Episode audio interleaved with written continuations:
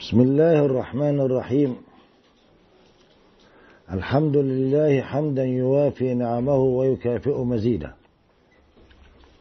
اللهم صل صلاة كاملة وسلم سلاما تاما على سيدنا محمد الذي تنحل به العقد وتنفرج به الكرب وتقضى الديون وتنال به الرغائب وحسن الخواتيم ويستسقى الغمام بوجهه الكريم وعلى آله وصحبه كل لمحة ونفس عدد كل معلوم لك. اللهم لا سهل إلا ما جعلته سهلا وأنت إذا شئت جعلت الحزن سهلا.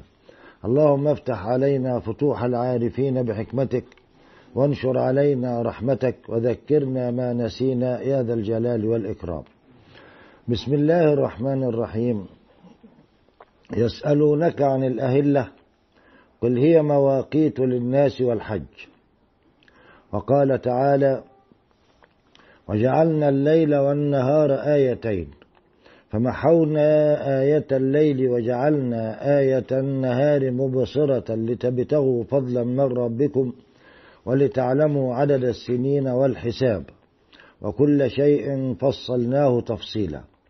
وقال تعالى هو الذي جعل الشمس ضياء والقمر نورا وقدره منازل لتعلموا عدد السنين والحساب.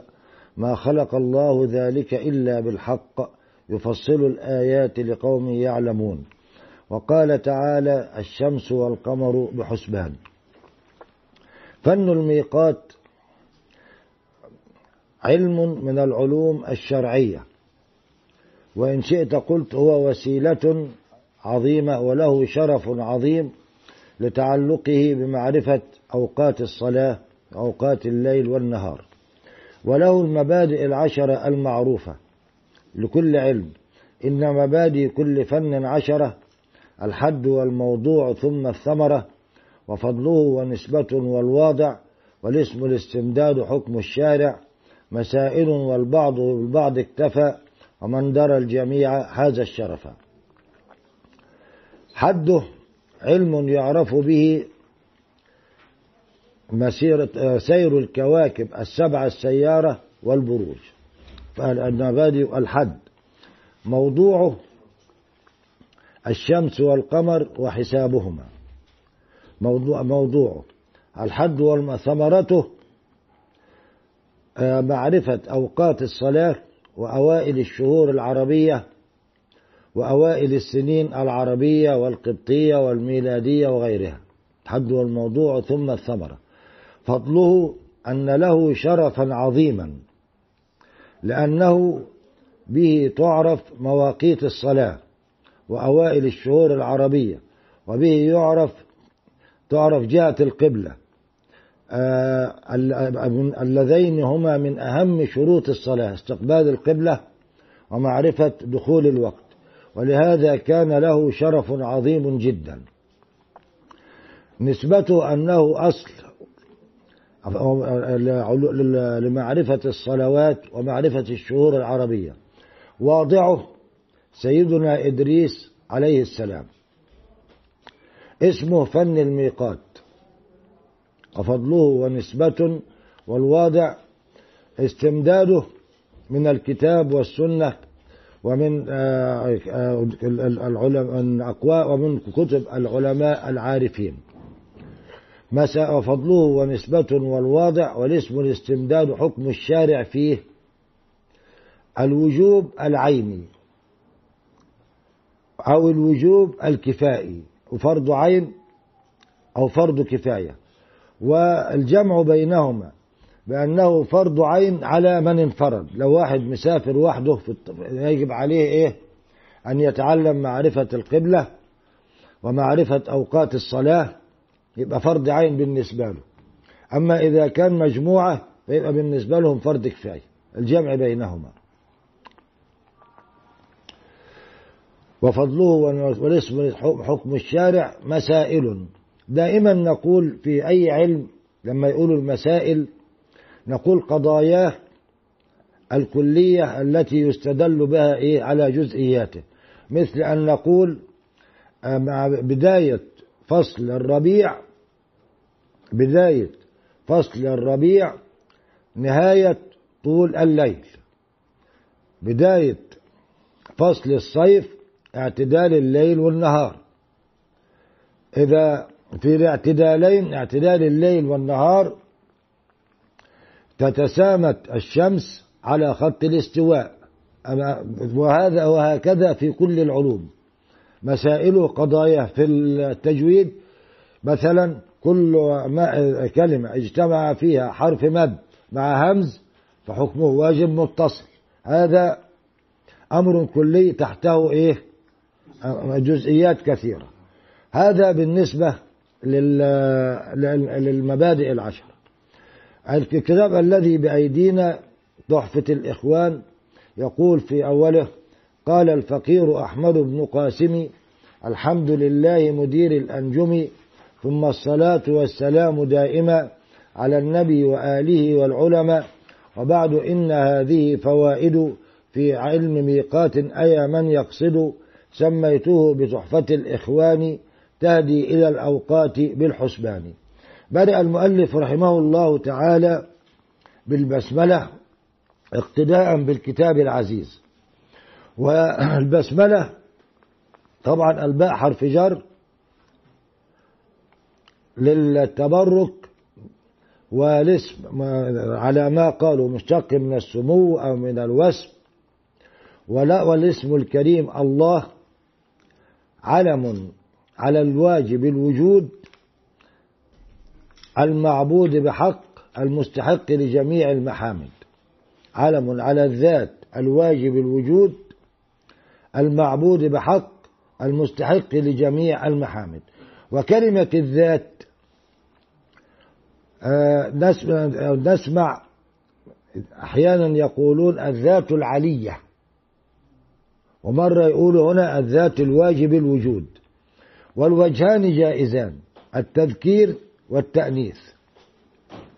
ذكروها بعض العلماء في بعض الحواشي قرأتها بعد بحث. أنا كنت أتعجب لما أسمع بعض السادة الصوفية يعبرون عن الذات بالتأنيث. قال الذات تطلق على ذات النفس وبهذا تؤنث وتطلق على ذات الشيء وبهذا تذكر. فالله علم على الذات الواجب الوجود المعبود بحق المستحق لجميع المحامد. تسمى به قبل أن يسمى ولا ولم يتسمى به سواه. قال تعالى هل تعلم له سميا؟ وذكر ذكروا أن امرأة سمت ولدها الله فنزلت نار فأحرقت. هنا الجار والمجرور متعلق بمحذوف ويصح تقديره مقدما ومؤخرا واسما وفعلا. هكذا. وخاصا وعاما. بسم, بسم الله أؤلف. بسم الله أبتدئ. أبتدئ بسم الله. أؤلف بسم الله. ابتدائي بسم الله. تأليفي بسم الله. بسم الله تأليفي. بسم الله ابتدائي. قالوا والأولى أن يقدر فعلا ومؤخرا. لأن هكذا بسم الله أؤلف. لا أولا كونه مؤخرا لأن تقديم التقديم يؤذن بالاختصاص زي إياك نعبد يعني لا نعبد إلا إياك. يعني بسم الله أؤلف مستعينا به لا بغيره. وقدر فعلا لأن الأصل في العمل للأفعال. وربما تقول اسم الفاعل يعمل. نعم واسم المفعول ولكنه حملا على الأفعال. الرحمن والرحيم صفتان مشبهتان بنيتا للمبالغة. والرحمن أبلغ من الرحيم. ولذلك خص الرحمن بالله تعالى فلا يطلق على سواه. وإطلاقهم على مسيلمة الكذاب من تعنتهم في الكفر. والرحمن هو المفيد جلائل النعم وأصولها مثل السمع والبصر والعقل والقوة والحياة. والرحيم مفيد دقائق النعم مثل قوة السمع قوة البصر زيادة العلم وهكذا. وهما من رحم بقطع رحم لا الصفة المشبهة لا لا تصاغ إلا من اللازم. ولكن هنا إما أن تقدر من رحم بقطع النظر عن المفعول أو بتحويله إلى رحم. يقول الكلام على البسملة هنا في هذا العلم هل لها علاقة؟ ممكن التحدث عنها نعم. لكن لا فيها البسملة اشتملت على أربع كلمات. الجار والمجرور يعتبر كلمة واحدة باسمي. والاسم الكريم كلمة. الله الرحمن كلمة. الرحيم كلمة. فمجموعها أربع كلمات على عدد الفصول الأربعة فصل الربيع وفصل الصيف وفصل الخريف وفصل الشتاء. وعدد حروفها تسعة عشر حرفا. لو كتبتها كده تكتبها تسعة عشر حرف. على عدد البروج الحمل حمل حمل وثور ثم جوزة سرطان أسد وسنبلة والميزان بان عقرب وقوس جدي دالي ثم حوت هذه بروج في السماء لها ثبوت 12 برج. والكواكب السبعة السيارة اللي إيه؟ زحل شرى مريخه من شمسه فتزاهرت لعطارد الأقمار. هذه على عدد الكواكب السبع على ما قال ولكن هم بيحاولوا إيه؟ يعني يجعلوا لها علاقة بهذا الفن. بدأ رحمه الله فقال قال الفقير أحمد بن قاسم بيعرفنا بالمؤلف. قال لكل علم كل مؤلف ينبغي أن يذكر في أول كتابه أو يعرف القارئ بثلاثة أمور. أولا اسم المؤلف ثانيا العلم الذي يؤلف فيه ثالثا اسم الكتاب الذي يؤلفه. الحمد لله مدير الأنجم. الحمد هو الثناء بالجميل على جهة التبجيل. هذا معناه لغة واصطلاحا. فعل ينبئ عن تعظيم المنعم من حيث إنه منعم على الحامد أو غيره.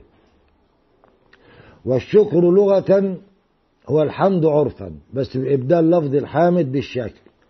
واصطلاحا صرف العبد جميع ما أنعم الله به عليه فيما خلق لأجله. الحمد لله اللام هنا حرف جر. وحرف اللام إذا دخلت بين ذاتين فإن كانت الذات الأخرى تملك فهي للملك مثل المال لزيد. وإن كانت لا تملك فهي للاختصاص زي الباب للدار الحصير للمسجد اللجام للفرس. وإذا دخلت بين ذات ومعنى فهي للاستحقاق زي الشرف لخالد العلم لأحمد.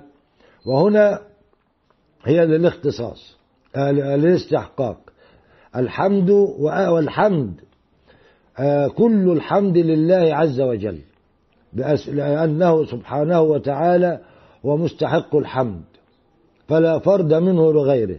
وألف الحمد إما للاستغراق يعني كل حمد لله أو للجنس يعني جنس الحمد لله كما تقول الرجل خير من المرأة يعني هذا الجنس بقطع النظر عن الأفراد. وإما أن تكون للعهد يعني الحمد الذي حمد الله به نفسه وحمده به أولياؤه أولياؤه. وكله لله تعالى. الحمد لله والجملة وإن كانت هي خبرية لفظا فهي إنشائية معنى لأن المراد منها إنشاء الحمد. الحمد لله مدير الأنجمي. من أدار يعني أن الله تعالى هو الفعال لكل شيء. فهو سبحانه وتعالى هو الذي يدير النجوم والكواكب والأفلاك وكل ويدير, ويدير كل شيء وهو وحده المنفرد بالخلق والإيجاد والفعل. فليس لغيره تأثير. ومن يقل بالطبع أو بالعلة فذاك كفر عند أهل الملة. ومن يقل بالقوة المودعة فذاك بدعي فلا تلتفتي الحمد لله مدير الأنجم. هذا لا يخفى ما فيه من براعة الاستهلال وبراعة الاستهلال أن يأتي المتكلم أو المؤلف أو الخطيب في أول كلامه أو في أول خطبته بما يشير إلى مقصوده. كما يقول في النحو مثلا الحمد لله رافع درجات المنتصبين مثلا وهنا الحمد لله مدير الأنجم. ثم قال رحمه الله ثم الصلاة والسلام دائما. الصلاة من الله. الصلاة معناها في اللغة الدعاء. طبعا لا يعني أحب أن أناقش بداية. يقولون لغة واصطلاحا. الاصطلاح معناه في اللغة الاتفاق. واصطلاحا اتفاق طائفة مخصوصة على أمر معهود بينهم متى أطلق انصرف إليه. وليس من أصله في وضع اللغة. هذا معنى الاصطلاح. ومرة يقولون اصطلاحا ولكن في الأحكام الشرعية يقولون شرعا وأحيانا يقولون عرفا. وأهل كل علم لهم اصطلاح. فمثلا الكلام. الكلام في اللغة كل ما أفاد سواء بالإشارة أو بالكتابة أو بالعقد أو بالنصب. وأما في اصطلاح النحويين كما قال ابن مالك كلامنا لفظ مفيد كاستقم طيب وفي اصطلاح الفقهاء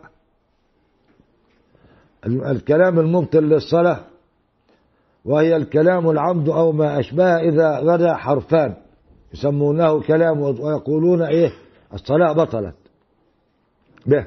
وهو لا يفيد. فكل أهل علم لهم اصطلاح. قال آه الصلاة معناه في اللغة الراحة الدعاء. ومنه قوله تعالى وصل عليهم أي ادعو لهم. طيب لو كان بمعنى ادعو لهم لما قال وصل لهم كان القياس أن يقول صل لهم ولكن عدي بعلى لتضمنه معنى التعطف. فكأنه قال وتعطف عليهم. ومنه قوله تعالى ونوحا إذ نادى من قبل فاستجبنا له فنجيناه وأهله من الكرب العظيم ونصرناه من القوم. كان القياس على ولا من لكن عدي بمن؟ لتضمنه معنى خلصناه منهم ونجيناه منهم. الحمد لله. ثم الصلاة والسلام معناه التسليم. دائما يعني على الدوام. على النبي النبي بالهمز وتركه. النبي والنبي. وقرأ به نافع في القرآن كله. وجمعا وفردا في النبي وفي النبوءة الهمزة كل غير نافع أبدلا هكذا. يا أيها النبي والأنبياء النبيين النبوءة. النبي بالهمز من النبأ وهو الخبر. ووزنها فعيل. ووزن فعيل يأتي في اللغة بمعنى فاعل وبمعنى مفعول.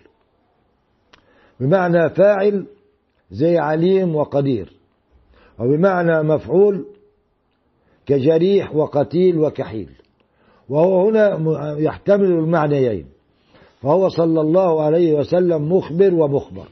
النبي إنسان ذكر من بني آدم حر منزع عن دناءة أب وخنا أم أوحى الله تعالى إليه بشرع يعمل به وإن لم يؤمر بتبليغه. فإن أمر بتبليغه فنبي ورسول.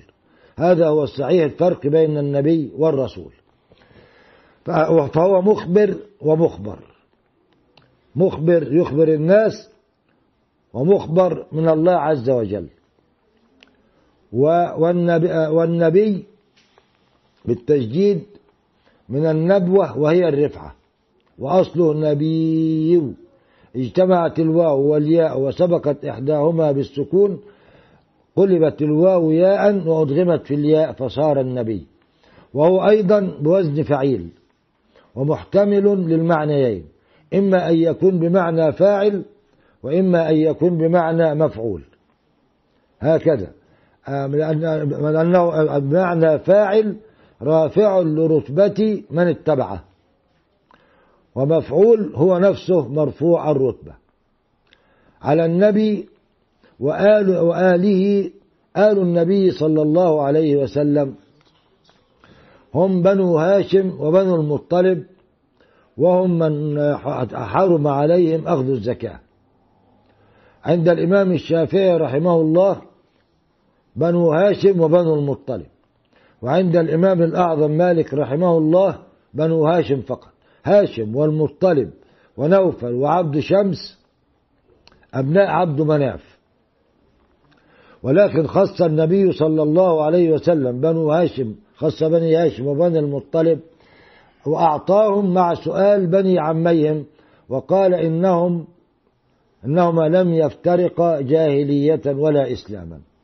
هذا في مقام الزكاة.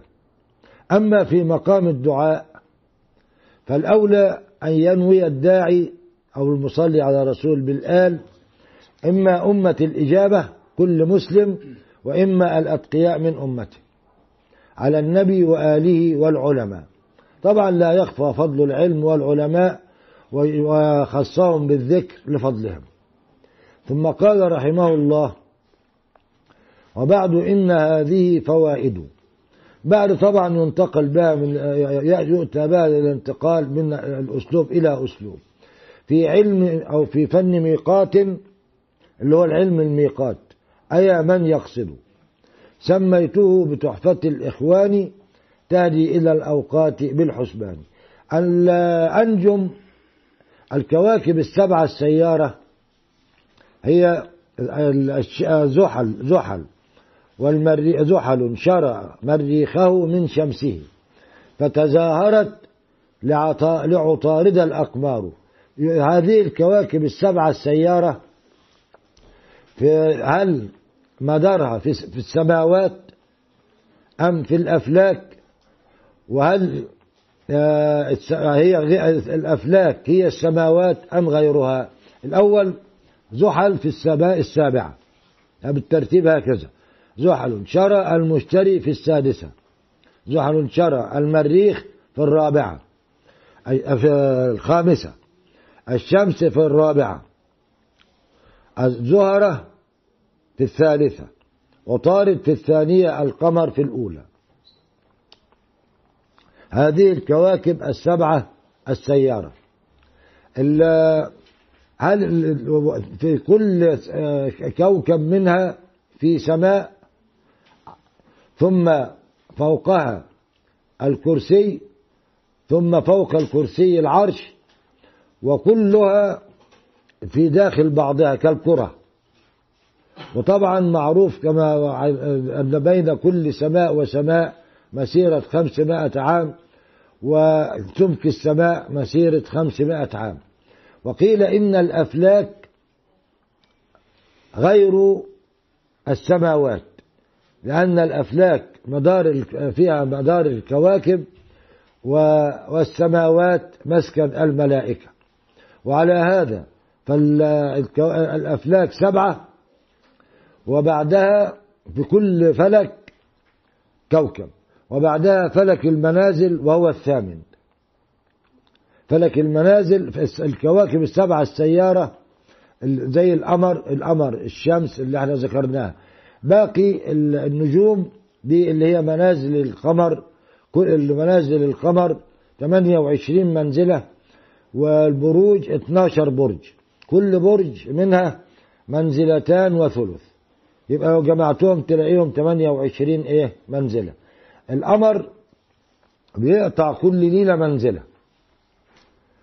الشمس بتقطع الفلك في 300 خمسة ستة وستين يوم وربع يوم إلا 11 دقيقة و11 ثانية.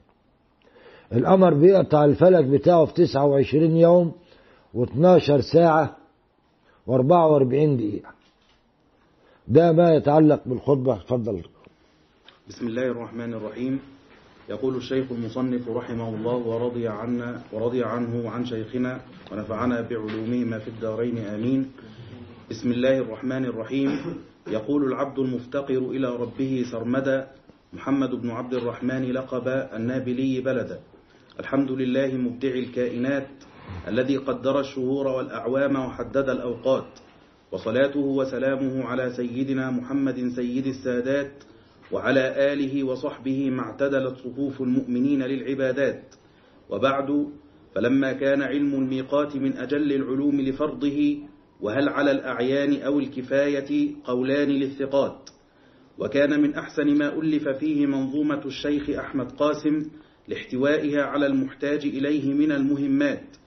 رأيت أن أشرحها بشرح لطيف يحل ألفاظها ويبين العبارات مشتمل على فوائد حسنة وتنبيهات وعلى ذكر المحتاج إليه من الأمثلة والتتمات. وسميته فتح المنان بشرح تحفة الإخوان. قال المؤلف بسم الله الرحمن الرحيم أي أنظم أو أؤلف الأشياء الآتية مستعينا استعانة تبرك وتعظيم بسم الله الرحمن الرحيم. ما أحسن قوله استعانة تبرك وتعظيم. بالبستعن وعد عود ألصقي ومثل مع ومن وعن بها انتقي لأنها لما نجعلها الاستعانة زي استعنت بالسكين أو استعنت بالقلم يبقى لما ندخلها على الاسم الكريم بهذا المعنى غير إيه؟ محمود. لكن استعانة تبرك وتعظيم. لا كاستع... لا, كالاستعانة بالسكينة في القطع مثلا. فضل. وابتدأ بالبسملة تأسيا بالقرآن العزيز وامتثالا لمقتضى قوله صلى الله عليه وسلم كل أمر ذي بال لا يبدأ فيه ببسم الله فهو أبتر أي مقطوع البركة. قال الشيخ العطار في حاشيته على شرح القاضي زادة عند بسملة المصنف وهو الشيخ الجغميني لا يمكن الكلام عليها في هذا الفن لخروجها عن موضوعه. لكن ذكر الشيخ محمد المرزوقي في شرح منظومة أخيه التي في الميقات أن البسملة كلماتها أربع باسم كلمة لأن الجار كالجزء من المجرور ولفظة الجلالة كلمة والرحمن كلمة والرحيم كلمة. بجعل ال كالجزء من مدخولها. فهي إشارة إلى عدد الفصول الأربعة وإلى عدد الطبائع الأربع أيضا. وحروفها الرسمية تسعة عشر حرفا. فهي إشارة إلى عدد البروج الاثني عشر والكواكب السبعة السيارة. انتهى. قال الفقير أحمد بن قاسم الحمد لله مدير الأنجم. قوله الفقير أي المحتاج إلى عفو ربه ورحمته. وأحمد هو اسم المؤلف ولقبه قاسم.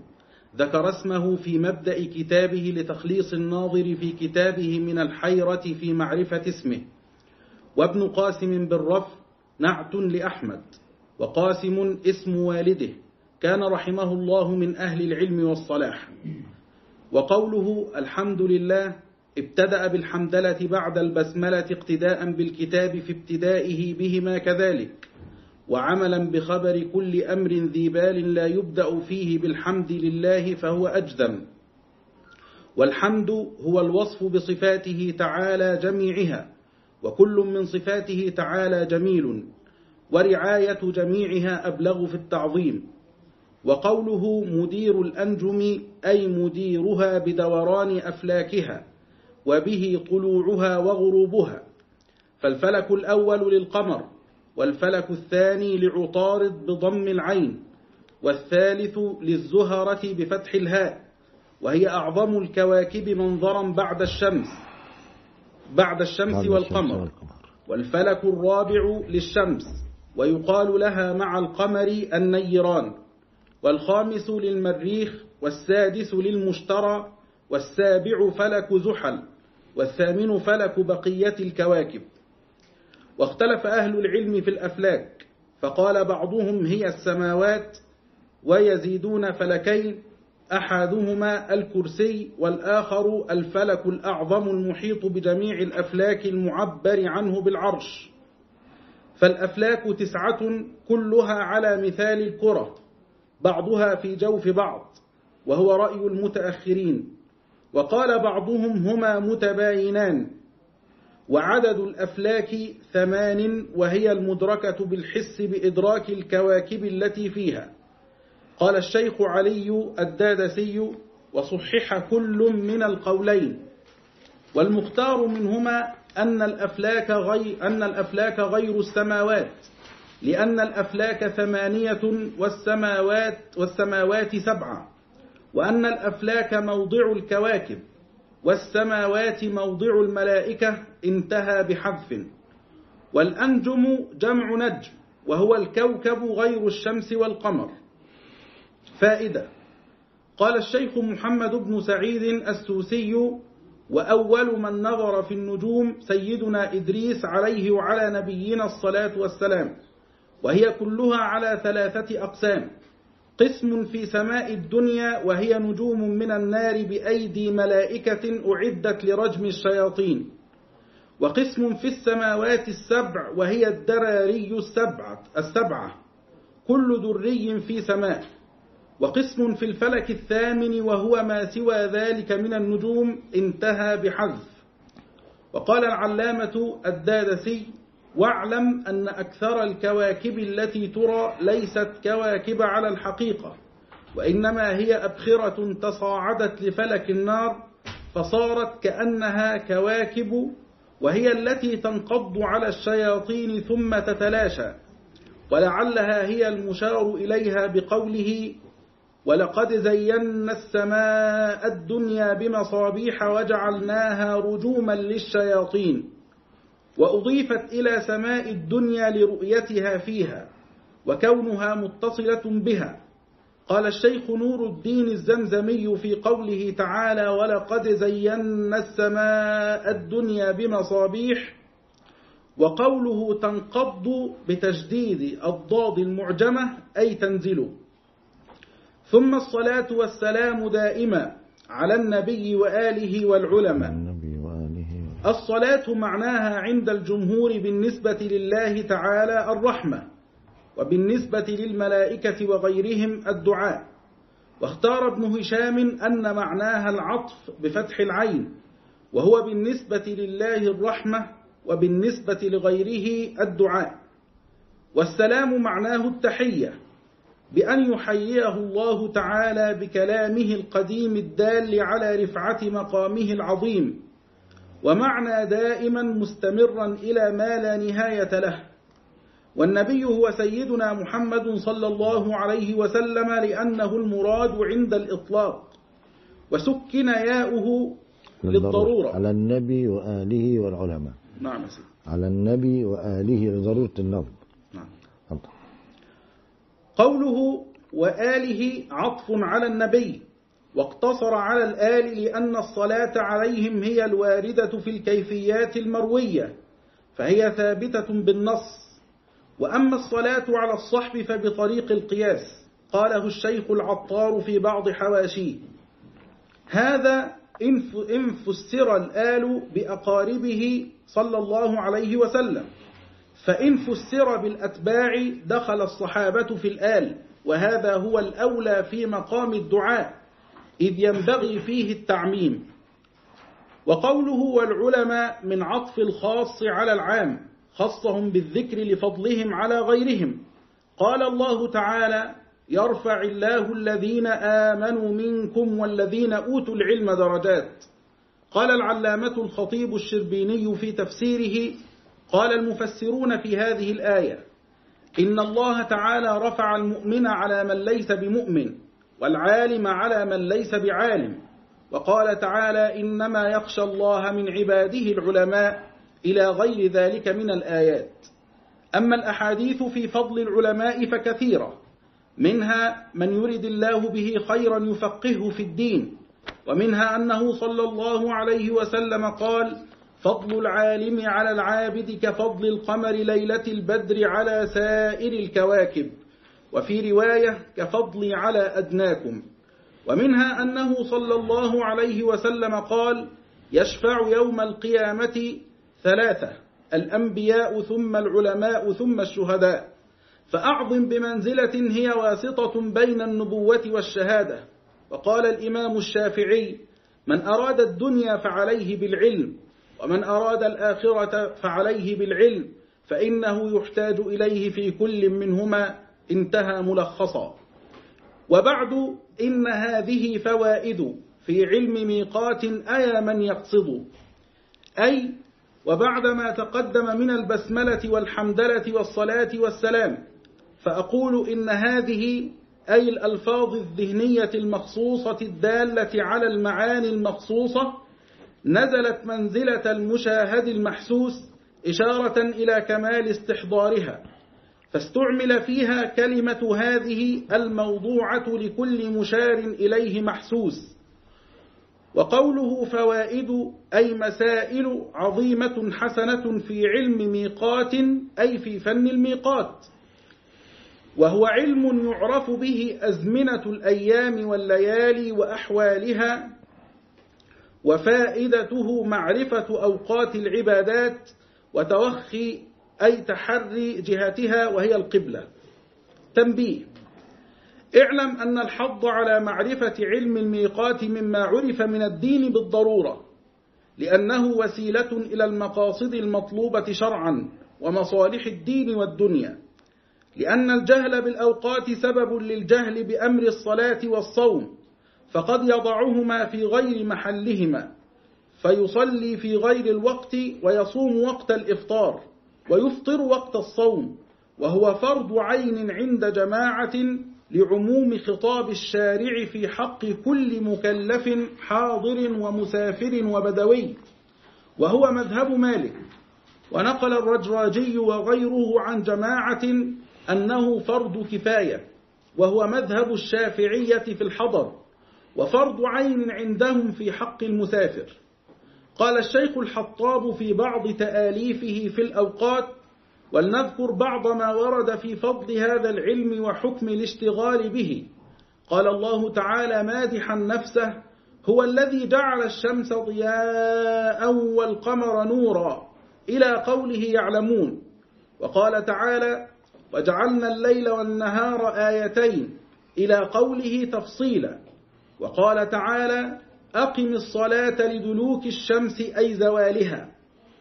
وعن أبي أوفى رضي الله عنه أن رسول الله صلى الله عليه وسلم قال إن خير عباد الله الذين يراعون الشمس والقمر والنجوم لذكر الله. رواه الطبراني واللفظ له والحاكم والبزار وقال صحيح الإسناد. وعن أنس بن مالك رضي الله عنه قال قال رسول الله صلى الله عليه وسلم لو أقسمت لبررت إن أحب عباد الله إلى الله لرعاة الشمس والقمر يعني المؤذنين وإنهم ليعرفون يوم القيامة بطول أعناقهم. رواه الطبراني في الأوسط. وعنه صلى الله عليه وسلم أنه قال تعلموا الوقت ولا تكونوا كالذين يؤذنون على أذان بعضهم بعضا. وذكر البرزلي في مسائل الصلاة عن السيوري ما نصه يلزم كل من يقدر على إقامة الحق إقامته ومن إقامة الحق أن يوكل بالأوقات من يفهم ويعرف الأوقات كلها ممن يوثق به سيدنا يعرف ولا نعم. يعرف أن يع- يع- يعرف. يعرف. يعرف الأوقات كلها ممن يوثق به نعم و- نعم.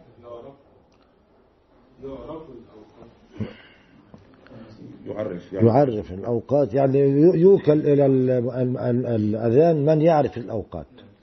وينهون عن سبقه. نعم. فإن انتهوا وإلا توعدوا. نعم. فإن عادوا سجنوا. وذكر التونسي أن من لم يكن عارفا أو غير مأمون لا يقتدى به. وينهى أن يقتدى به أشد النهي. فإن عاد أدب أدبا وجيعا انتهى كلام الحطاب مع حذف. نعم. وقول المصنف أيا من يقصد؟ أيا حرف نداء؟ ويقصد مفعوله محذوف أيوة. أي يطلب معرفتها أي الفوائد. نعم. سميتها بتحفة الإخوان تهدي إلى الأوقات بالحسبان. أي سميت الفوائد المنظومة بتحفة أي هدية مستظرفة مستحسنة. والإخوان جمع أخ ويجمع أخ أيضا على إخوة. إلا أنه شاع الإخوان في جمع أخ بمعنى الصاحب والإخوة في جمع أخ من النسب. قاله الشيخ الدردير في بعض تآليفه. وقوله تهدي أي ترشد إلى الأوقات بالحسبان. أي بالحساب من غير احتياج إلى آلة كالربع المجيب. والأوقات جمع وقت مأخوذ من التوقيت وهو التحديد والمراد بالوقت هنا ما هو أعم من أوقات الصلاة كوقت أجزاء النهار وفصول العام والاعتدالين والانقلابين فكلها أوقات لما تراد له كوقت الظهر أريد للصلاة. والسحور أريد للتزود للصوم والحرث أريد للتهيؤ لاكتساب المعاش. بدأ بقى رحمه الله يعرفنا كيفية معرفة أوائل السنين. فبدأ بالتاريخ الهجري فقال فبالثمان أسقطا تاريخنا وامر باق في حروف عامنا. أعني بود أجهزت فما وجدت علامة لعامك الذي قصدت. فزد لها حرفا. فزد لها إيه؟ حرفا لشهر مدرج من سفر باه وهزج أبجدي فحاصل أوله إن لم يزد عن سبعة وزائدا بيعتدل. هنا المطلوب برضه في البداية نعرف أبجد هوز. هذه الحروف الأبجدية. لأنها كل استعملنا هنا في هذا العلم بها. رموز أبجد هوز حطي كلم سعفص قرشت ثخذ ضضغ لو كتبناها كده أبجد هوز الألف بواحد الباء باثنين الجيم ثلاثة الدال أربعة الهاء خمسة الواو ستة الزاي سبعة هوز الحاء ثمانية الطاء تسعة الياء عشرة. حطي الكاف عشرين اللام ثلاثين الميم أربعين النون خمسين السين ستين العين سبعين الفاء ثمانين الصاد تسعين القاف مية. قرشت القاف مية الراء ميتين الشين ثلاثمية. قرشت التاء أربعمية. قرشت الثاء خمسمية. الخاء ستمية. مش كده صح معايا؟ ثاخ الذال سبعمية. ثاخذ الضاد ثمانمية. الضاء تسعمية. الغين ألف. والعجيب إن العلماء يعني بيجمعوا منها كلمات لها معاني جميلة. زي أبياتها ند بدا لذنها تاريخها بشرى لمن يتقنها. يعني عندهم استطاعة سبحان الله انهم يجمعوا منها كلمات مفيدة. فبالثمان أسقطا تاريخنا. يعني إذا أردت أن تعرف أول أيام السنة الهجرية فأسقطه إيه؟ بالثمانية. السنة دي مثلا ألف وربعمية ثلاثة وأربعين. لو أسقطناها ثمانية ثمانية. هنلاقي إيه؟ آه الألف ألف ومئتين ساقطين لو قسمتها على ثمانية ما يفضلش حاجة. فاضل معانا مئتين كام؟ مئتين ثلاثة وأربعين. مئتين ثلاثة وأربعين. مئتين ثلاثة وأربعين. ثلاثة في ثمانية. يبقى المئتين وأربعين ساقطين نعم. المئتين وأربعين. ساقطين يبقى فاضل معايا إيه؟ ثلاثة إحنا بناخد بالتاريخ التام. التاريخ التام. يبقى اثنين يبقى اذا دلوقتي فاضل معايا اثنين بنبدأ من أول الأحد. وأمر باخر في حروف عامنا أعني بود أجهزد الباء للسنة الأولى. والواو للسنة الثانية والجيم للسنة الثالثة. يبقى اذا أنا حرف الحرف بتاعنا إيه؟ الجيم. اللي هو رقم ثلاثة. نبدأ من يوم الحد السبت الأحد الاثنين الثلاثاء. يبقى أول السنة إيه؟ الثلاثاء. أي فبالثمان أسقطا تاريخنا وامر بباق في حروف عامنا أعني بود أجهزت فما وجدت علامة لعامك الذي قصدت. فزد لها حرفا لشهر مدرج من سفر ب- ب- بجاه وهزج أبد. آه، فما فحاصل أوله إن لم يزد عن سبعة وزائدا به اعتدد فاضل ثلاث دقايق نكتفي إلى هنا ولا؟ فبالثمان أسقطا تاريخنا. وامرر بباق في حروف عامنا. أعني بود أجهزت فما وجدت علامة لعامك الذي قصدت. فزد لها حرفا لشهر مدرج من سفر بج- بجاه أب أبد. أبد. هزأجي بجاه وهزج أ- أ- تروح.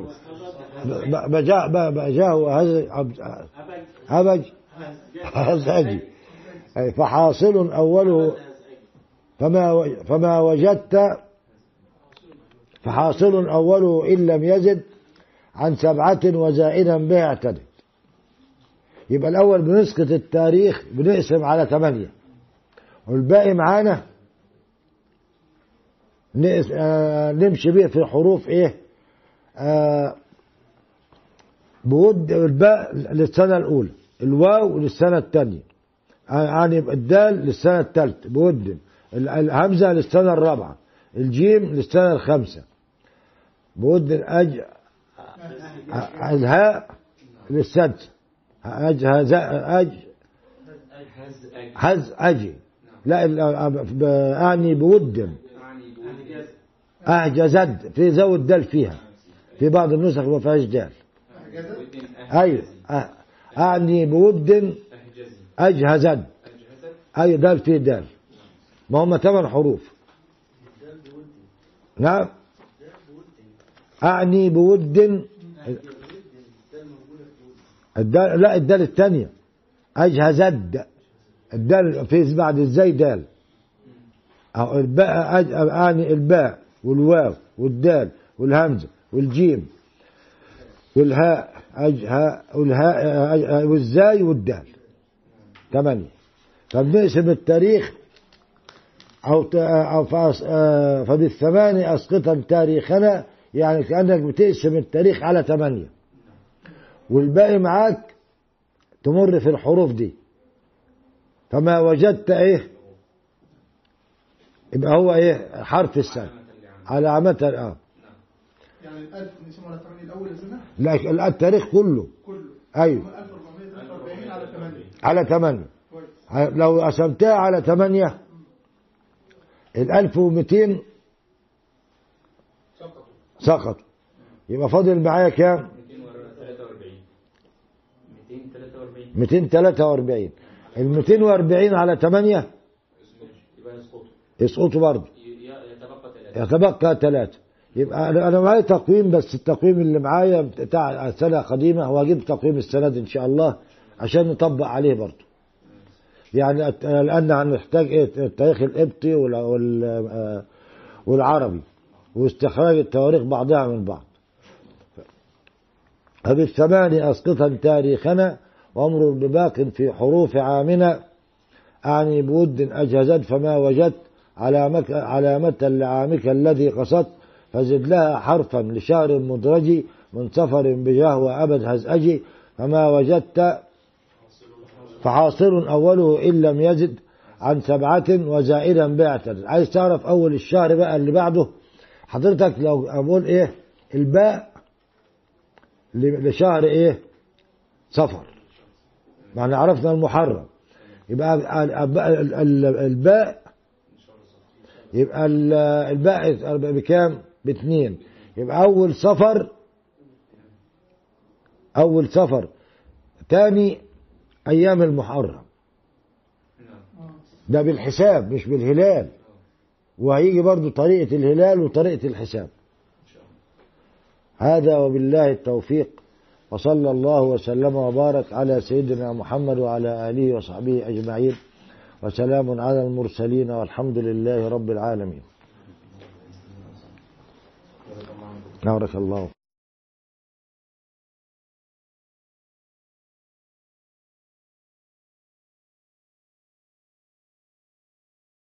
هتبدأ يا سيدي ولا أنا اللي أبدأ؟ هذا. مين اللي هيبدأ؟ حضرتك هتبدا أيوة هبدأ أنا في شرح الأبيات الأول شوية وبعدين ماشي. نبدأ؟ بسم الله الرحمن الرحيم. الحمد لله حمدا يوافي نعمه ويكافئ مزيده.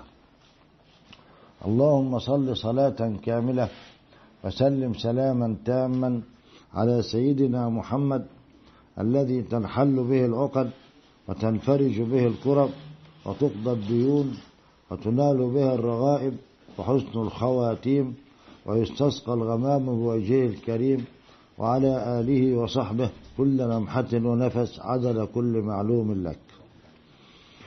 قال المصنف رحمه الله تعالى باب معرفة أوائل السنين العربية وشهورها. فبالثمان أسقطا تاريخنا وامرر بباق في حروف عامنا. أعني بود أهجزت فما وجدت علامة لعامك الذي قصدت. فزد لها حرفا لشهر مدرج من صفر بجاه أبد هزأجي فحاصل أوله إن لم يزد عن سبعة وزائدا اعتدد اليوم العربي يبدأ من غروب الشمس إلى غروب الشمس فالليلة سابقة على اليوم. والتاريخ معناه في اللغة التوقيت. يقال وقت أرخت الكتاب بيوم كذا إذا إيه وقدته به. واصطلاحا أمر شاع واشتهر بين الناس حتى صار مبدأ للتاريخ كالهجرة. قال واليوم الشهر العربي من الاجتماع إلى الاجتماع. معنى الاجتماع اجتماع الشمس والقمر في درجة واحدة.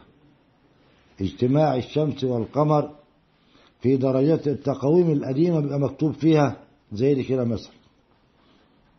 مكتوب فيها إيه؟ وقت الاجتماع.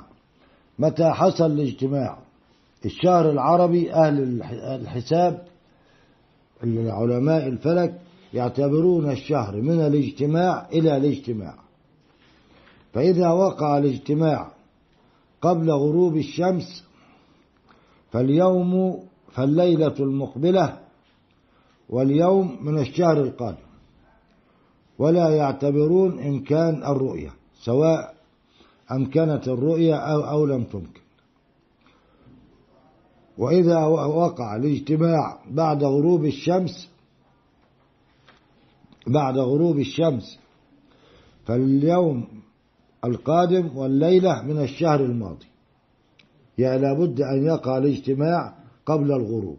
إذا وقع الاجتماع الشمس والقمر في درجة واحدة ثم يسبقها القمر. يسبقها بيسبقها في في الساعة دقيقتين. يعني لو حصل الاجتماع الساعة 12 الظهر مثلا كان بقي على الغروب فضل ست ساعات. ستة في اثنين يبقى يمكث الهلال 12 دقيقة. آه كل ساعة بدقيقتين. أما أهل الشرع والعرب فيعتبرون الرؤية.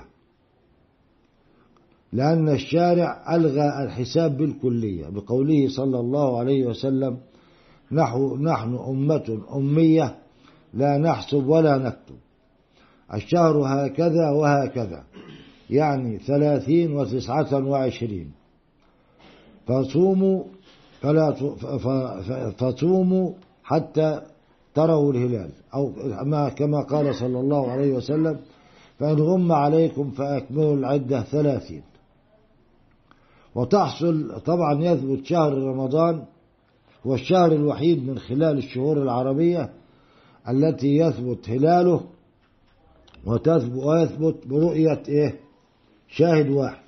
ولكن طبعا هذا بالنسبة للصيام وتوابعه. للصيام وتوابعه.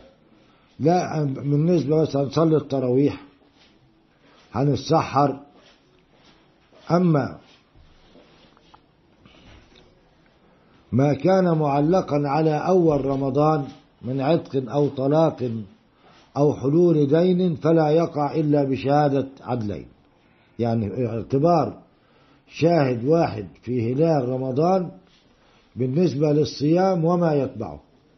هنصلي التراويح هنتسحر لكن بالنسبة آه لما عدا ذلك مثلا دين مؤجل بحلول رمضان طلاق مؤجل على حلول رمضان عتق مؤجل على حلول رمضان لا يقع إلا ولا يثبت إلا بشهادة عدلين.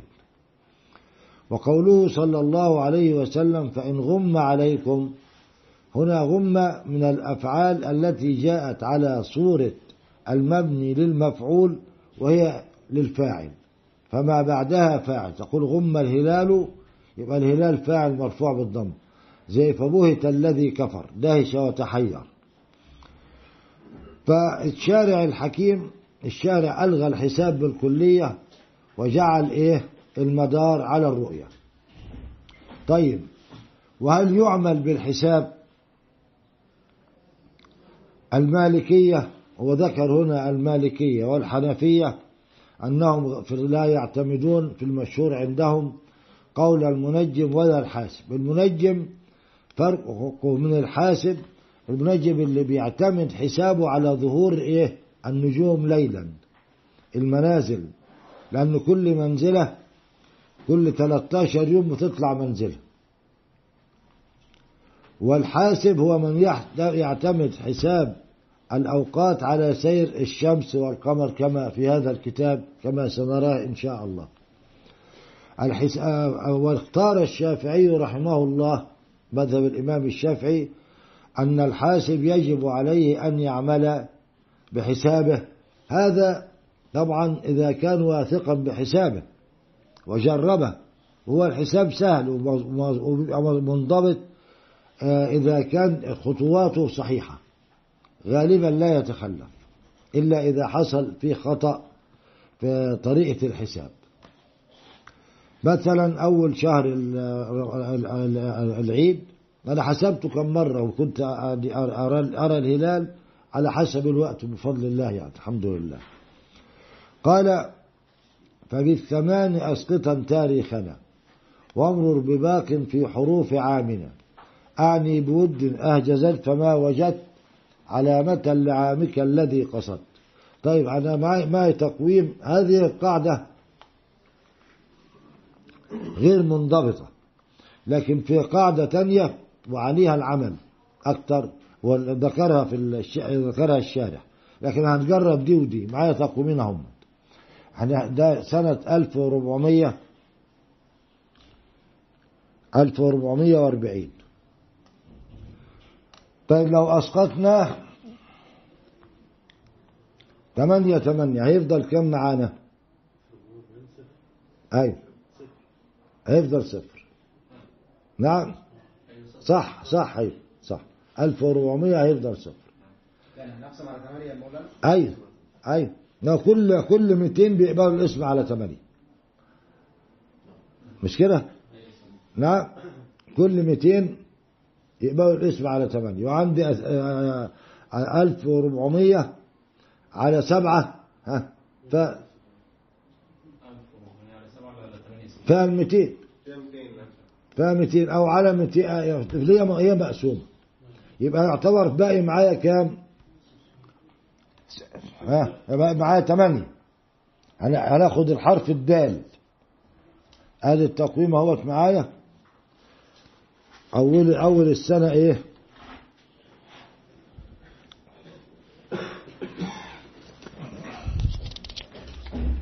أول السنة الثلاث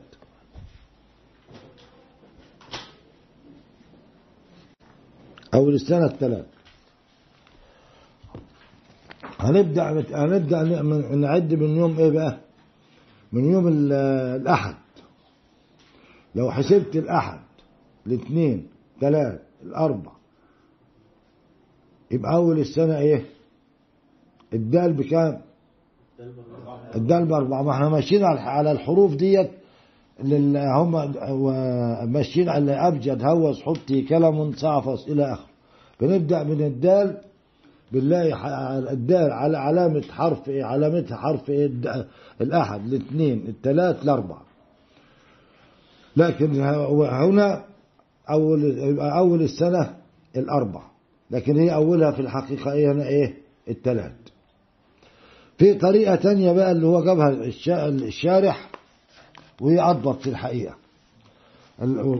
وهي لأن السنة الهجرية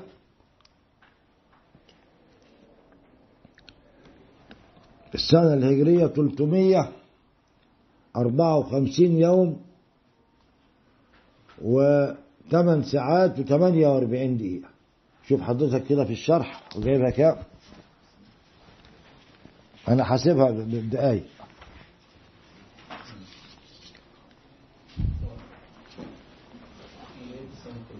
السنة ال- الهجرية الوسطية.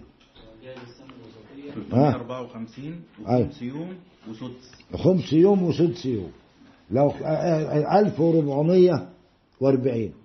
لو قسمتهم على خمسة وبعدين قسمتهم على ستة وبعدين جمعتهم دقايق هيدوا لك 8 ساعات و48 دقيقة.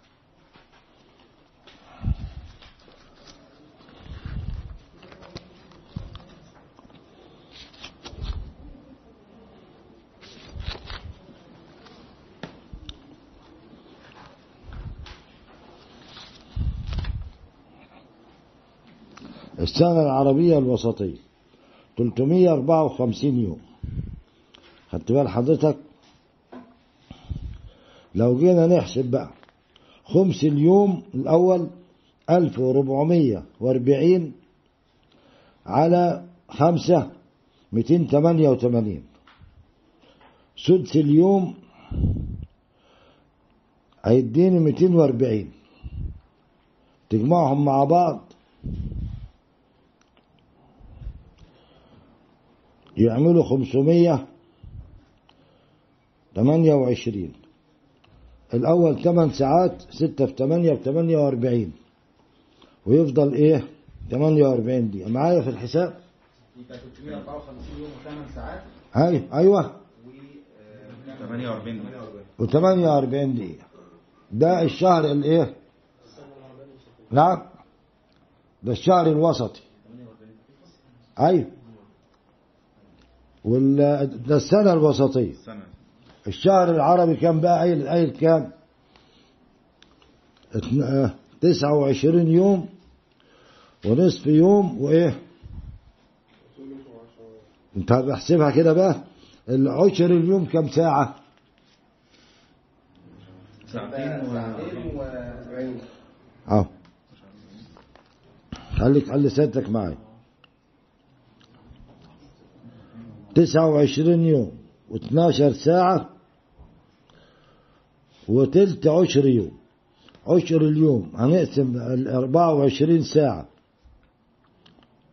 عشرون ع- في في ستين بألف وربعمية وأربعين. ألف وربعمية وأربعين على ثلاثة فيها المية أربعة وأربعين. مية أربعة وأربعين. ألف وربعمية وأربعين على عشرة مية أربعة وأربعين. مية أربعة وأربعين تقسيم ستين. نعم. لا عايزينها بالدقايق. ثلاثة يبقى ستين. آه تم- ربعمية. لا يساوي ثمانية وأربعين. أحسبهم كده. مية أربعة وأربعين. ما ألف وربعمية وأربعين على عشرة. ما عايزين عشر اليوم الأول. طيب طيب اقسموا على ثلاثة. اسمها على 60 بقى. ماشي اقسم على ستين. هتطلع ساعتين و 24 دقيقة. نعم. ساعتين و24 دقيقة. ألف وربعمية وأربعين على ثلاثة. 1440 على 3 تدينا آه، 144 على 3 تدينا 48 يا سيدي 48 يبقى كم ساعة؟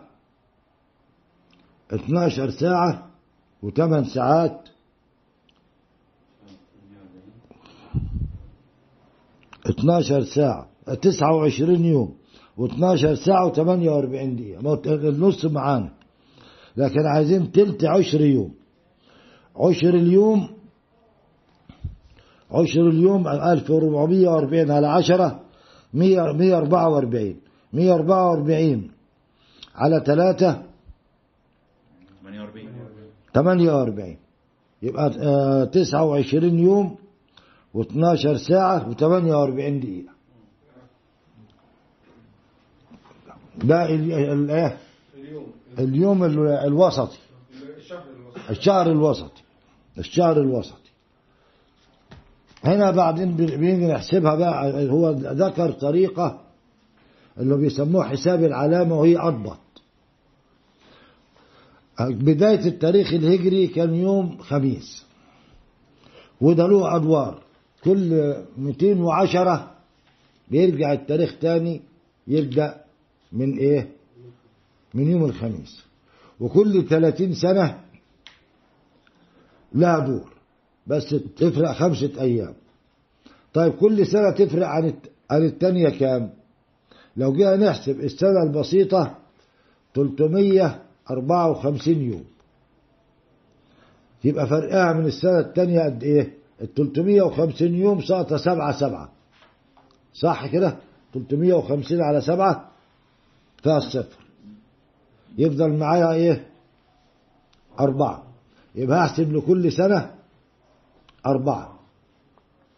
أربعة أيام. والكبيسة هزود لها يوم هتبقى خمسة. هم عملوه حس- الحساب ده على سير القمر الوسطي وهو أضبط من ال- الحساب بالثمانية. وقد يتأخر آه، لا لا تتقدم قد يتقدم الحساب على الرؤية ولا تتقدم الرؤية على الحساب. هنا بنسقط التاريخ 210 210 وبعدين ما بقي ننظر فيه كم 30 إذا كان إذا كان لم يبقى شيء فأول السنة المطلوبة يوم الخميس. وإن بقي شيء فانظر فيه كم 30 واحفظ لكل 30 إيه؟ خمسة. لكل 30 خمسة.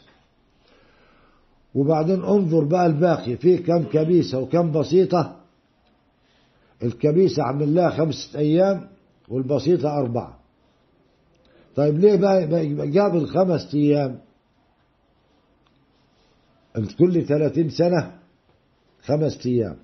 لو حسبنا ال ال ال ال الأيام أيام السنين كل ثلاثين سنة فيهم 11 كبيسة و19 بسيطة. الفروقات دي جت منين؟ يبقى بنحسب 30 30 في أربعة بكام؟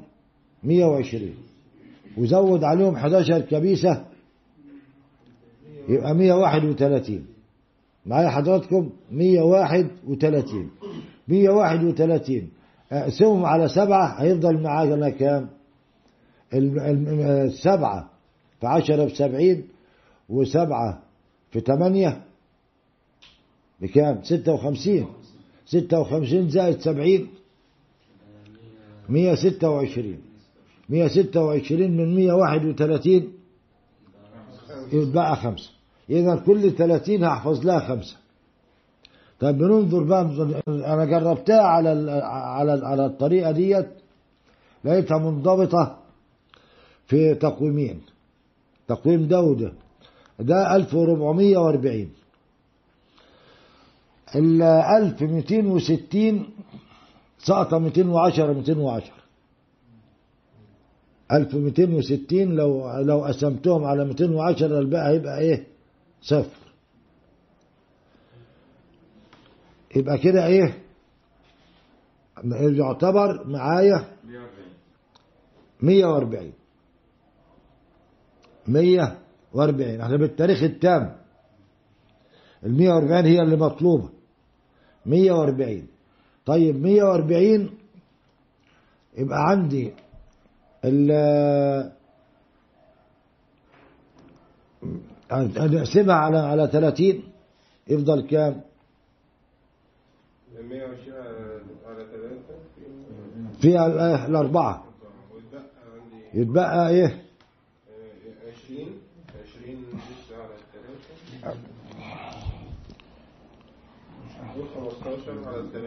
نعم أنا أقول لسيادته 1440 1260 ساقطين يفضل معايا كام؟ لما أنزل 1260 من 1440 طب احسب حضرتك كمان مرة كده. أيوه 180 180 يبقى السنة اللي معايا هي اللي مكملة ال 30 ما هو 180 يعتبر إيه؟ نعم ما فيش باقي لا بالتام. التام اللي هي إيه؟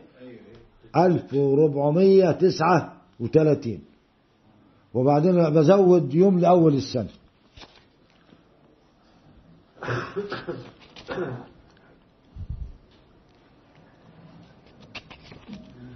ألف طب أنا هنحسبها سهلة مش مش عارف أجيب ال- أنا جايبها معايا هنا هي.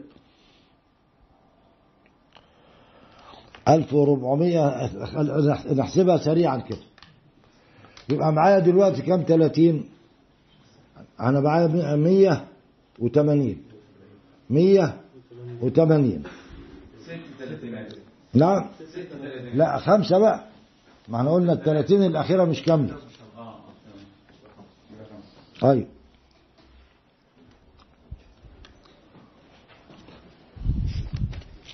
التلاتين الأخيرة مش كاملة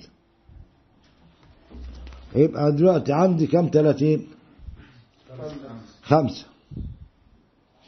خمسة. في خمسة؟ بخمسة وعشرين. خمسة في خمسة؟ بخمسة وعشرين. وعندي تسعة وعشرين.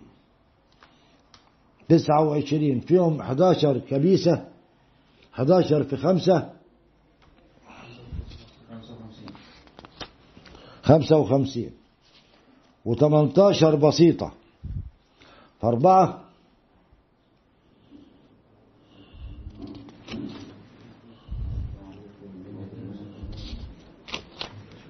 باتنين آه، اتنين وسبعين. اتنين وسبعين زائد خمسة وخمسين هيبقى كام؟ كم؟ طب احسب بس معايا كويس مية سبعة وعشرين. مية سبعة وعشرين. والتلاتينات معايا كام تلاتين. لا ما قلنا حضرتك خمسة. خمسة في خمسة؟ زيدهم عليهم؟ زود يوم كمان؟ مية تلاتة وخمسين. اسقطهم بقى سبعة سبعة.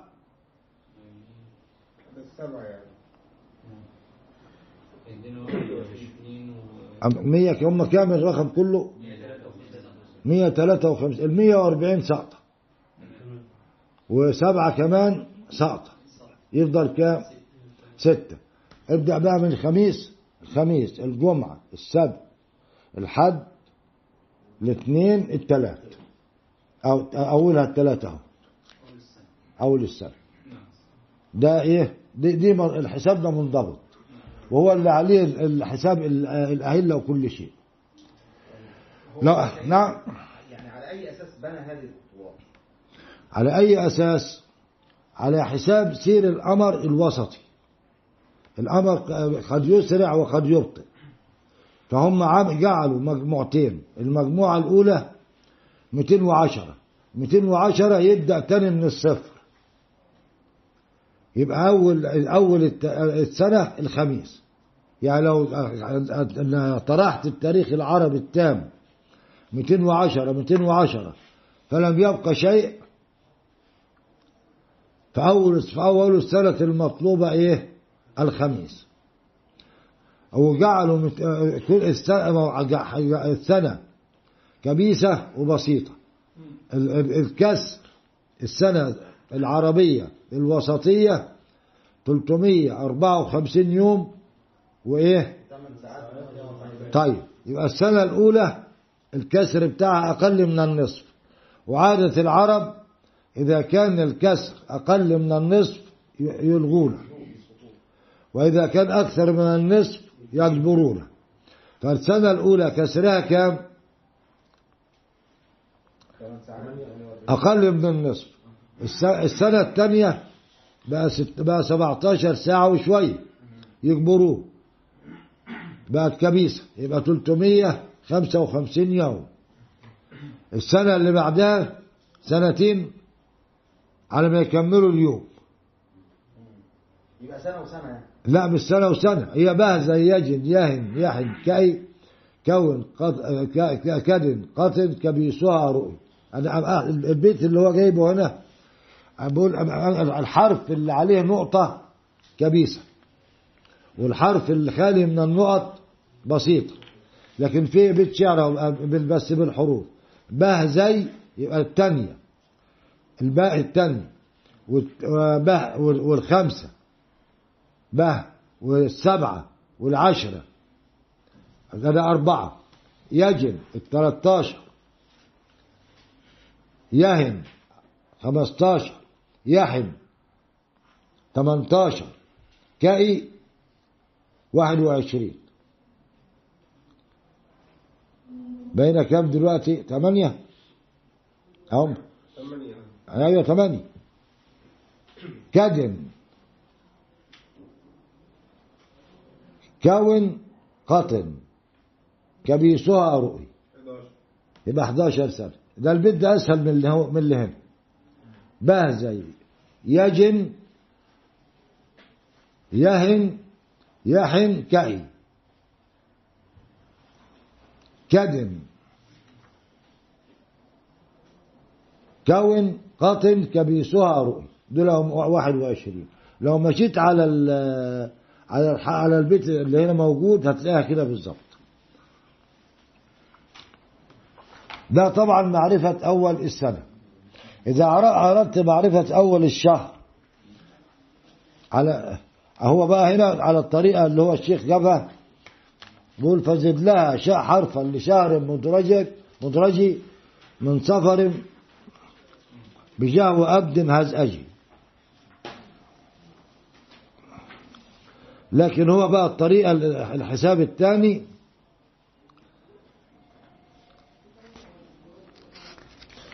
هو جاب لها بيت هو عم- بيقول إيه؟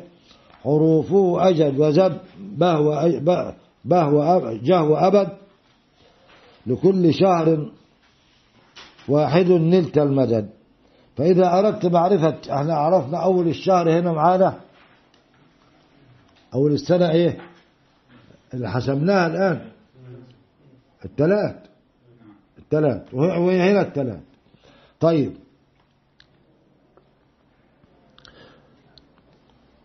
ال- ال- الثلاث آه، الأداء المحرم واحد. بعد المحرم صفر له الجيم يبقى الجيم الثلاث الأربع الخميس يبقى أوله إيه؟ الخميس. معايا حضراتكم؟ ما هو تالت تالت تالت أول المحرم. الجيم بثلاثة لأن حتى بيقول مثلا الثلاث للثلاث 15 الثلاث للثلاث للثلاث الفلاحين بيحسبوها كده. الثلاث للثلاث للثلاث إيه؟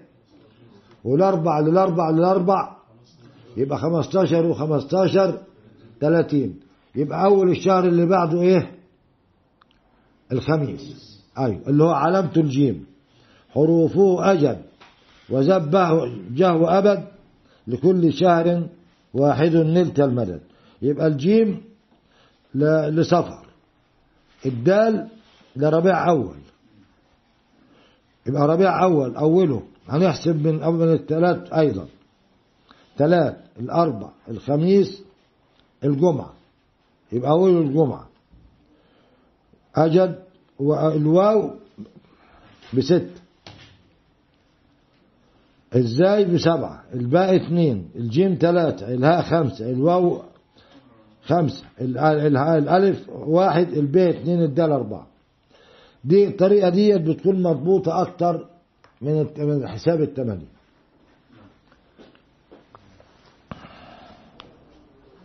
طب اتفضل قرأ الله الشرح بسم الله الرحمن الرحيم.